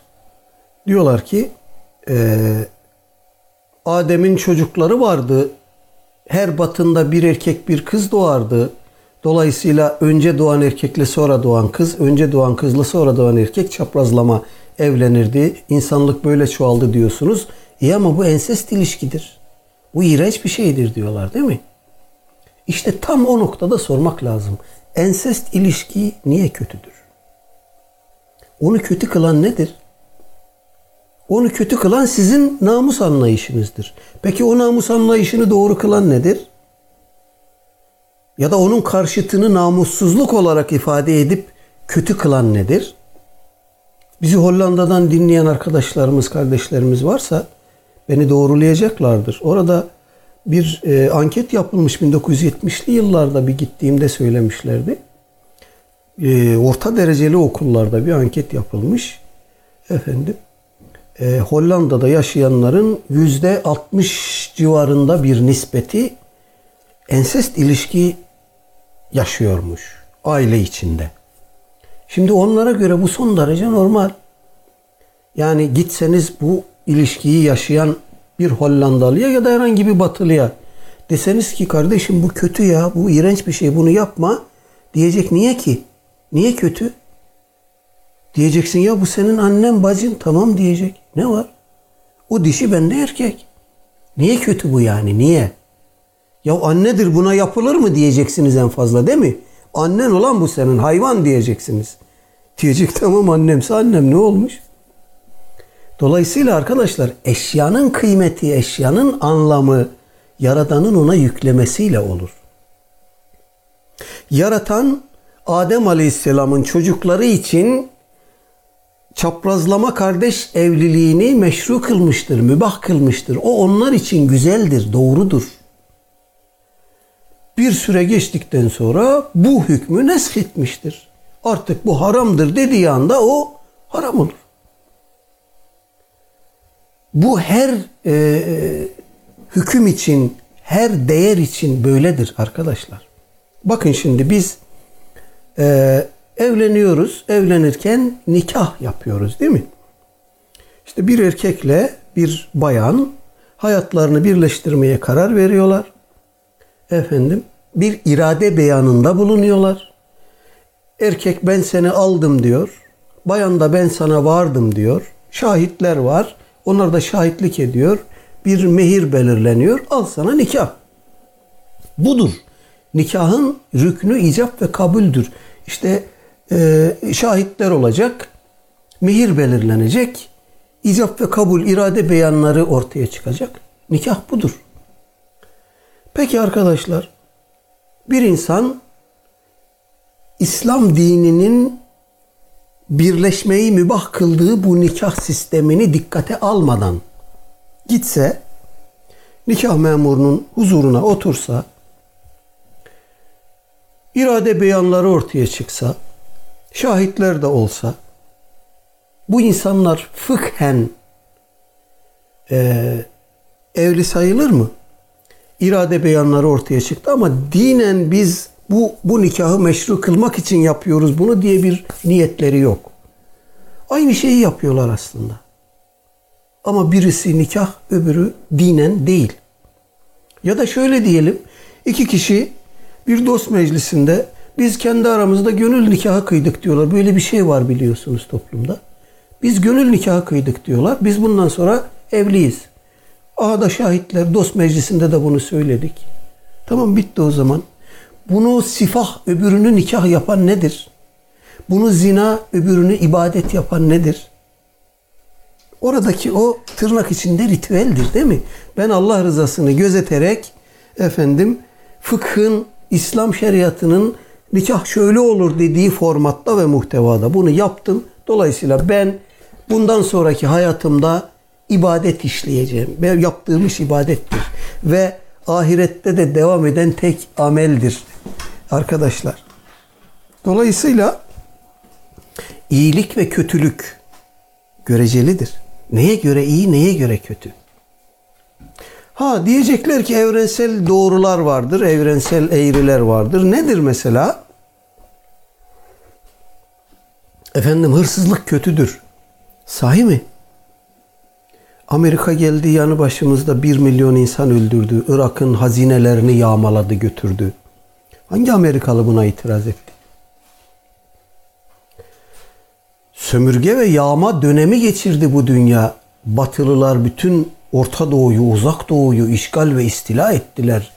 İliklerine, kemiklerine kadar sömürdüler. Bu Batılılar için bu kötü bir şey değildi. Değil mi? Dolayısıyla iyilik ve kötülük eşyanın tabiatından değildir. Ha biz e, şöyle düşünürüz. Eşyanın tabiatında bir iyilik ya da kötülük bulunabilir. Ama biz mutlak anlamda bunu biz tayin edemeyiz. Bunu mutlak anlamda tayin eden Cenab-ı Hak'tır. O iyi derse iyidir, kötü derse kötüdür. Dolayısıyla teodise problemini bu şekilde aşmamız lazım. Bizim iyi dememizle bir şey iyi olmuyor. Kötü dememizle de bir şey kötü olmuyor. Ee, ben ateistlerin e, kadın erkek karışık alem yapmasından hoşlanmıyorum mesela. Bu bana göre kötüdür. Bir ateisti bu bağlıyor mu? Bağlamıyor. Bir ateistin ben hırpani gezmesinden, amaçsız, anlamsız yaşamasından ya da ne bileyim e, içki içmesinden ya da ne bileyim bu aşırı abartılı bir cinsel e, efendim e, hayat yaşamasından rahatsızım. Bu doğru bir şey değil diyorum ama dönüp bana demeyecek mi kardeşim sana ne ya? Benim yaptığım bu iş sana göre yanlış olabilir ama bana göre doğru. Dolayısıyla teodise probleminden bir yere gidilmez. Kaynaklarda geçen sayısal ifadeler mesela 124 bin veya 224 bin peygamber gelmesi gibi burada yer alan sayılar arkadaşlar rivayette böyle geçiyor. Ee, ama bunu bu sayıyla sınırlandırmak mutlak anlamda böyle olduğunu söylemek gerekmez. Bu rakamlar eskilerin tabiriyle kesretten kinaye olabilir. Yani çok peygamber geldi geçti. Hani dilimizde de vardır ya ben sana bunu 50 kere yapma dedim sen gene yaptın. İşte bu 50 kere tam bir rakam ifade etmez. Kesretten kinayedir. Bu da öyledir. Öyle e, olduğu söylenmiştir. Allah bizim cennete ve cehenneme gireceğimizi biliyor. Neden bizi imtihan ediyor? Öldükten sonra dirileceksek neden ölüyoruz? Allah bizi seviyor da neden günah işlememize izin verip sonra bizi yakıyor? Oo bunlar çok önemli sorular. Üç ayrı soru var bu dört numaranın içinde. Ee, birinciden başlayalım. Allah bizim cennete ve cehenneme gireceğimizi biliyor. Neden bizi imtihan ediyor? Ee, arkadaşlar burada gözden kaçırdığımız bir şey var. Allah Teala bizim hangimizin cennete hangimizin cehenneme gideceğini biliyor. Evet. Ama biz bilmiyoruz. Yani şöyle bir e, ön kabule dayalı bir itirazdır bu. E, ben cehenneme gideceksem yani buradaki varlığımın anlamı ne? Çalışmamın, ibadet etmemin anlamı ne? Ya da ben cennete gideceksem niye bu kadar şey yapıyorum ki? Sonuçta gideceğim cennete. Namazdı, oruçtu, bilmem neydi, harama bakma, bilmem ne, faiz yeme, içki içme. Ben sonunda cennete gideceksem bunları da yaparak giderim arkadaş. Tamam da sen nereye gideceğini nereden biliyorsun? Allah Teala'nın senin akıbetin hakkında, öldükten sonra nereye gideceğin hakkında Cenab-ı Hakk'ın ne bildiğini sen bilmiyorsun. Dolayısıyla sana düşen çalışıp didinip doğru yolda ilerlemektir. Doğruları yapmak, yanlışlardan uzak durmaktır. Bunu yaptığın zaman cennete gittiğinde ha diyeceksin Cenab-ı Hakk'ın benim için bildiği buymuş demek ki. Ben amel edip cennete gidecekmişim. Öbürü de Allah korusun o ihtimalde aynı şekilde varittir. Peki bizi neden imtihan ediyor? Arkadaşlar ee, Allah Teala delilsiz, ispatsız, şahitsiz, gerekçesiz iş yapmıyor. لِيَهْلِكَ مَنْ هَلَكَ عَنْ بَيِّنَ ve yahya men hayya an beyyine. Yani helak olacak olan bir delil, kat'i bir beyine, hüccet ile helak olacak. İhya olan da aynı şekilde bir beyine ile, delil ve kesin hüccet ile ihya olacak. Dolayısıyla Allah Teala bizi cennete ya da cehenneme, insanları cennete ya da cehenneme e, gönderirken bizim buradaki amellerimizi yazan meleklerin o e, amel defterlerini koyacak önümüze. O bir bürhandır işte. Beyinedir. Sen şu ameli işledin, bak şu tarihte, şu saatte şunu yaptın. Efendim 22 Nisan, 21 Nisan mı bugün? 22 Nisan mı? Gecesi saat Türkiye saatiyle 9.42'de oturdunuz siz şöyle şöyle bir ateizm dersi işlediniz. Bu sevaptır. Bu amel defterine yazdı. Bunu koyacaklar. Ve ikra kitabek denecek. Hadi al defterini, kitabını oku bak neler yaptın sen. İnsan da bakacak diyecek ki ya benim bile unuttuğum şeyler var burada. En ince detaylarına kadar yazılmış bu. İşte bu beyine. Sen orada önüne konacak olan bu amel defterinde amel defterini sen amellerinle dolduruyorsun. Dolayısıyla amellerin orada senin önüne konacak. Azaların sana şahitlik edecek. Değil mi? El yevme nahtimu ala efvahihim ve tukellimuna eydihim ve teşhedü erculuhum bima kanu. Ee, o gün onların dilleri susturulacak. Efendim e, elleri konuşturulacak, konuşacak, ayakları da şahitlik edecek. Efendim böyle şey olur mu ya? El konuşur, ayak şahitlik eder mi? Niye etmesin ki? Dil konuşuyor mu? Evet. Dil bir et parçası değil mi? Evet. Demek Cenab-ı Hak dilediğinde et parçasına konuşma yeteneği veriyor. E, el de etten ve kemikten. Bunu da konuşma yeteneği verebilir demek Evet bu konuşacak, ayaklarda şahitlik edecek. Burada kimin gerçek anlamda insaniyet değerleri istikametinde yaşadığını, kimin varoluş amacı istikametinde o amaca uyacak bir hayat yaşadığını Cenab-ı Hak kendi amellerimiz üzerinden bize gösterecek ve diyecek ki bak sen bunları bunları bunları yaptın gideceğin yer burasıdır. Öbürüne de diyecek sen şunları şunları şunları yaptın gideceğin yer şurasıdır. Dolayısıyla bu arkadaşlar bizim e, ahirette hesaba çekilirken bizi bağlayacak deliller olması bakımındandır. Ha diyeceksiniz peki böyle insana irade verilmiş, iyiye de kullanıyor, kötüye de kullanıyor. Bu olmasın mıydı? Arkadaşlar insanın üstünlüğü, fazileti, erdemi, kıymeti burada zaten. İnsan bütün varlıklardan üstün. Neden üstün? Çünkü insanda irade var. Dilerse iradesini doğru istikamette kullanıyor. Heveslerini, hevalarını, arzularını, nefsaniyetini, şeytaniyetini gemliyor, terbiye ediyor ve sırat-ı müstakim üzere gidiyor.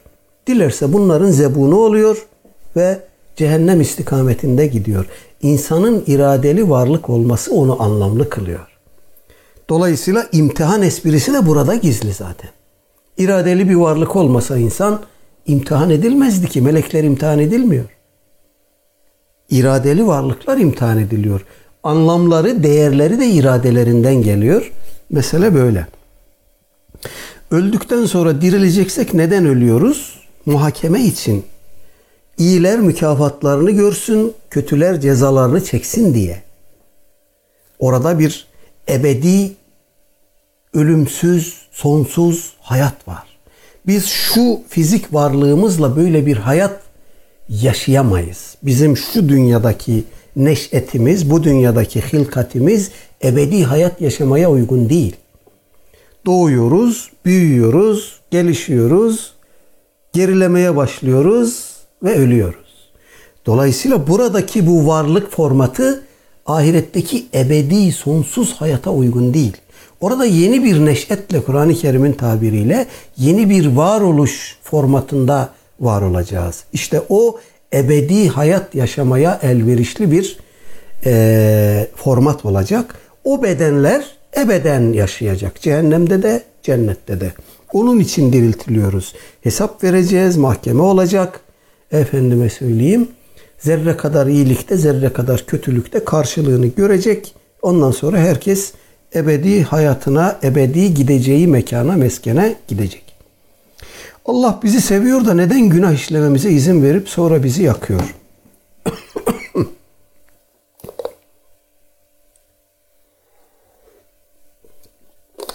Arkadaşlar anahtar bir ayeti kerime var. Cenab-ı Hak Efendimiz Aleyhisselatü Vesselam'a hitaben buyuruyor ki قُلْ مَا يَعْبَأُ بِكُمْ رَبِّي لَوْلَا دُعَاءُكُمْ Ey Habibim onlara de ki duanız olmasaydı eğer Rabbim size ne diye değer versindi ki? Bizi Cenab-ı Hak katında kıymetli kılan, değerli kılan dualarımızdır arkadaşlar. Dua nedir biliyor musunuz? Allah'tan bir şeyler istemek sürekli. Duanın felsefesi bu değil. Duanın felsefesi şu. Ya Rabbi ben arzu ettiğim şeyleri kendim elde etmeye muktedir değilim. Her şeyin anahtarı sende. Dolayısıyla senden istiyorum. Sen ilahsın, ben kulum. Sen mabutsun, ibadet edilensin, ben abidim, ibadet edenim. Kulluğumu deklare ediyorum ya Rabbi ve senden dileniyorum. İşte dua budur. Dua kulluğun deklare edilmesidir. Cenab-ı Hak o yüzden bize duamız dolayısıyla değer veriyor. Duayı onun için asla ve katla ihmal etmeyin. Aleyhisselatü Vesselam Efendimiz arkadaşlar hep daha önce de söylemişimdir. Gençken İmam Bukhari'nin El Edebül Müfreti vesaire tarzı dua kitapları, günlük hayattaki dualar vesaire okurken kendi kendime diyordum ya bu kadar dua nasıl ezberlenir? Hayatın her anında, her enstantanede dua var. Yağmur yağıyor, Efendimiz dua ediyor. Dolunayı görüyor, dua ediyor. Hilali görüyor, dua ediyor. Sabah kalkıyor, dua ediyor. Akşam yatarken dua ediyor. Yemeğe oturuyor, dua ediyor. Yolculuğa çıkarken dua ediyor. Yeni bir elbise giyiyor, dua ediyor. Eve giriyor, dua ediyor. Mescide giriyor. Efendimizin her anı dua. Onun için Efendimiz Cenab-ı Hak nezdinde en üstün kul. Duasız bir lahzası yok Efendimiz. Bütün bu dualar yetmiyormuş gibi Aleyhisselatü Vesselam Efendimiz sürekli Cenab-ı Hakk'a istiğfar edermiş. Ondan bağışlanma dilermiş. Arkadaşlar o kadar enteresan ki vaktimiz olsa bunlar üzerinde müstakil dursak. Tebbet suresi var ya e, Tebbet suresi değil düzeltiyorum. Nasır suresi. Nasır. Bismillah. İzâ câe nasrullahi vel feth. Allah'ın yardımı ve fetih geldiği zaman İzâ câe nasrullahi vel feth e, hatırlatın arkadaşlar takıldım. Şuradan hemen Nasır suresini açayım.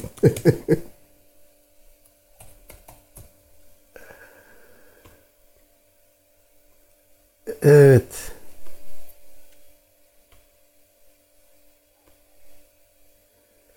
وَرَأَيْتَ النَّاسَ يَدْخُلُونَ ف۪ي دِنِ اللّٰهِ اَفْوَاجًا bir kilitlendi mi gelmiyor arkadaşlar yani bu Nasır suresi ya. İzâ câe nasrullahi vel feth Allah'ın yardımı ve fetih geldiği zaman ve râeyten nâse yedhulûne fî dinillahi efvâcen ve insanların Allah'ın dinine bölük bölük dalga dalga girdiğini gördüğün zaman fesebbih bihamdi rabbike ve estağfir. Rabbini hamd ile tesbih et ve ona istiğfar et. Arkadaşlar bu sure üzerinde çokça düşünmemiz gereken e, surelerden birisi. Hepsinin üzerinde çokça düşünmemiz lazım ama burada bizi gaflet durumundan uyaran bir ikaz var. Yani Aleyhisselatü Vesselam Efendimiz'e hitaben Cenab-ı Hak buyuruyor ki Allah'ın yardımı ve zafer geldiği zaman insanlar da Allah'ın dinine bölük bölük girdiğinde sen bunu gördüğün zaman Allah'ı hamd ile tesbih et ve ona istiğfar et. Burada Efendimizin istiğfarına ne gerekçe var ki? Niye istiğfar etsin? Allah Teala yardım vermiş, zaferi nasip etmiş. İnsanlar Allah Teala'nın dinine akın akın girmeye başlamış. Burada istiğfarın nasıl bir mebnası var? Nasıl bir zemini var? Nasıl anlamlandırıyoruz istiğfarı burada? Çok düşündürücü bir şey bu. Düşünüyoruz ve aklımıza geliyor ki böyle durumlar insana ben yaptım ya da en azından ben vesile olduğum duygusu verir. Benliğini katar insan buraya en azından. İşte o yüzden Rabbini hamd ile tesbih et ve ondan bağışlanma dile. Bu duygudan arın. Allah beni vesile kılmış duygusundan bile arın. Aslında sen yoksun. Yardım eden de Allah, zaferi veren de Allah. İnsanların akın akın İslam'a girmesini takdir eden de Allah. Dolayısıyla sakın ola ki Habibim burada kendi varlığına bir rol, bir pay biçme. Ve tabii ki burada Efendimizin böyle bir şey yaptığını söylemek doğru değil. Buradan bize geliyor bu. Ey ümmet! Resul'e söyledim ama siz anlayın, siz alın üstünüze. Sakın ola ki yaptığınız herhangi bir işte bu Allah'ın dinine yardım olsa bile, Allah'ın dini için zafer elde etmek olsa bile merkeze kendinizi koymayın, özne olduğunuzu düşünmeyin. Böyle düşünürseniz insansınız, beşersiniz. Böyle bir düşünce aklınıza gelir. Allah'ı tesbih edin, Allah'a hamd edin çünkü fail odur, özne odur. Ve öyle düşündüğünüz için de Allah'tan bağışlanma dileyin. Dolayısıyla arkadaşlar biz duamızla Cenab-ı Hak nezdinde değer kazanıyoruz. Böyle olduğu için Allah Teala bize günah işleme iradesi de vermiş. Günah işleyeceğiz, döneceğiz ona diyeceğiz. Ya Rabbi senin kulluğundan gaflet ettim. Hata ben de sen affet. Bunu dediğimizde Cenab-ı Hakk'ın rahmet merhamet kapıları sonsuza kadar açılıyor. Cenab-ı Hak dua eden kuldan hoşlanıyor. Dua eden kulu seviyor arkadaşlar. Huzurunda secdelere kapanan, dua eden, elini açıp ondan samimane ihlasla, ısrarla isteyen kulunu seviyor. Neden? Çünkü arkadaşlar Cenab-ı Hakk'a dua etmemekte, ondan bir şeyleri istememekte bir istigna durumu vardır. Bak çok dikkat edin. Cenab-ı Hakk'a bir adam dua etmiyorsa dua etmeye ihtiyacım yok diye düşündüğü içindir. Ya zaten hayatımda her şey tıkırında, dört dörtlük. Niye dua edeyim ki? İşte bu istigna duygusu var ya, insanı Allah'a muhtaç olmaktan e, müstahni olduğuna ikna eden bu şeytani düşünce var ya, o kişiyi Allah'tan koparan bir ruh halidir. Bu yüzden İmam Tahavi merhum meşhur akide metninde diyor ki ve men istagna anillahi tarfete aynin fakat kefer. Kim Allah'tan bir göz açıp kapama süresince istigna ederse Allah'a muhtaç olmadığını, Allah'a ihtiyacı olmadığını düşünürse kafir olur. O yüzden hayatımızın her anında dua bizimle olmalı. Arkadaşlar insanız, beşeriz. Yanılıyoruz, hata yapıyoruz, gaflet ediyoruz, günah işliyoruz. Allah Teala'nın rahmeti o kadar geniş ki bize diyor ki in tectenibu kebaire ma tunhevne anhu yukeffir ankum seyyiatikum. Eğer siz bizim sizi sakındırdığımız şeylerin büyüklerinden yani büyük günahlardan sakınırsanız nükeffir ankum seyyiatikum. Küçük günahlarınızı bağışlarız. İnsanın aslında yaptığı her işte arkadaşlar bu döngünün içindedir. Abdest alıyoruz, azalarımızla işlediğimiz günahlar dökülüyor. Namaz kılıyoruz, günahlarımızdan arınıyoruz. Oruç tutuyoruz, günahlarımızdan arınıyoruz. İnsanla günah birbirinden ayrılmayan fıtrat icabı, birbirinden ayrılmayan iki olgudur, iki varlıktır. günahsız insan yoktur. Peygamberlerin bile zelleleri, küçük hataları olmuş. Onların tek özelliği Cenab-ı Hak geçmiş ve gelecek günahlarını bağışlamıştır peşin peşin. Ama Kur'an-ı Kerim'de bile itap ayetleri dediğimiz Aleyhisselatü Vesselam Efendimiz'e hitaben afallahu anke lime edinte lehum gibi abese ve tevella gibi Efendimiz'e hitap eden yani sert hitaplar vardır.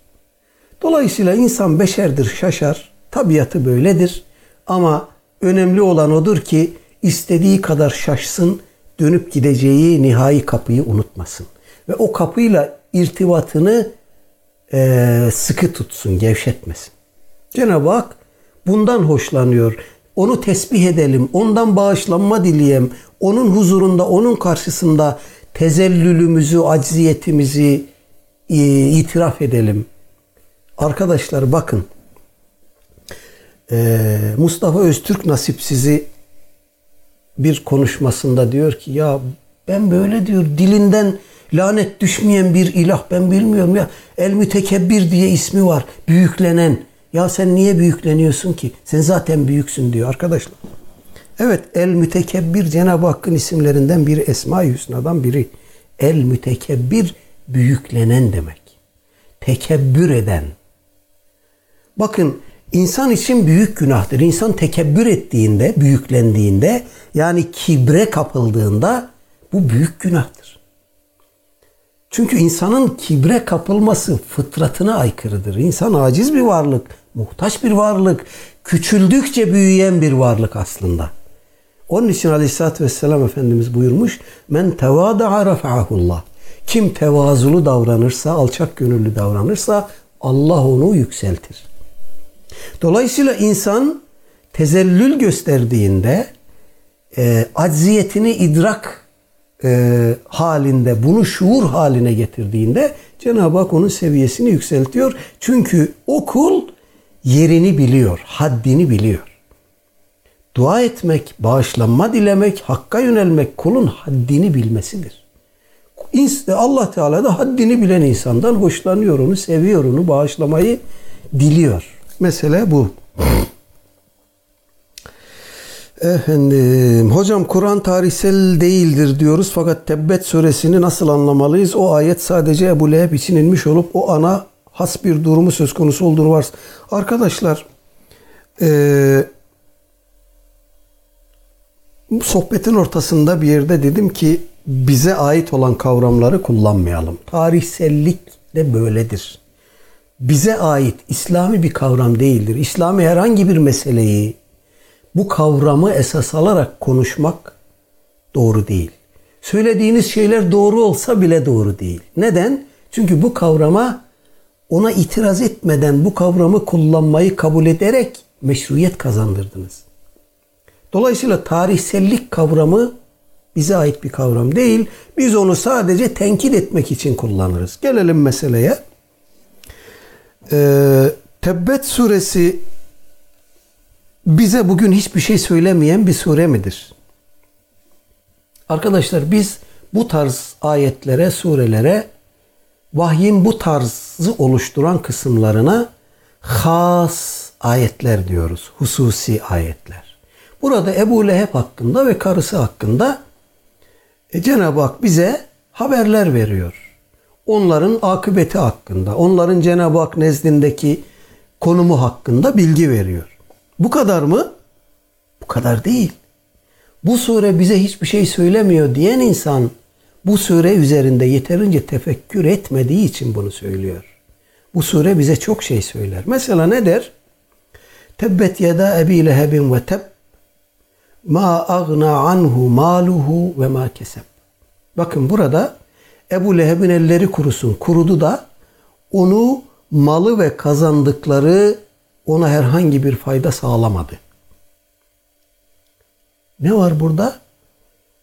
Ebu Leheb'in malı ifadesi var. Demek ki İslam hukukuna göre, fıkha göre daha doğru bir tabirle, fıkha göre müşrik de olsa bir adam çalışmışsa, kazanmışsa malı onundur. Biz onun o adamın malı olduğunu kabul ederiz. Bu ayetten böyle bir hüküm çıkar. Sonra seyasla naren zâte lehebin ve emraetuhu onun eşi, karısı, hanımı. Buradan da bir hüküm çıkar. Eğer müşrikler kendi aralarında, kendi hukukları doğrultusunda bir nikah kıymışsa biz o nikahı tanırız. Ebu Leheb'in karısı buyurmuş Cenab-ı Hak. Onların arasındaki nikah vahiy tarafından onaylanmış. Yani bizim onların arasındaki hukuku, kendi aralarında cari hukuku tanımamız gerektiğini söylemiş. Bu sure tarihsel değil arkadaşlar. Yeterince düşünen insan için Kur'an-ı Kerim'in en has ayetlerinde bile delaleten olmasa bile işareten bize bir şeyler söyler Cenab-ı Hak. İktizaen, ibareten, delaleten olmasa bile işareten orada bize bir kısım mesajlar vardır. Evet arkadaşlar bu akşam da sohbetin sonuna geldik. İki saati doldurmuşuz. Ee, ben bu son sohbetin e, daha yenilerine ve daha bereketlilerine vesile olmasını temenni edeyim. Yaklaşan Ramazan-ı Şerifinizi tekraren tebrik edeyim. Ee, tekrar görünce, görüşünceye kadar Cenab-ı Hakk'a emanet olun. Dualarınızı esirgemeyin. Ve sallallahu ala seyyidina Muhammedin ve ala alihi ve sahbihi ecmain. Ve alihim velhamdülillahi rabbil alemin. Vesselamu aleyküm ve rahmetullahi ve berekat.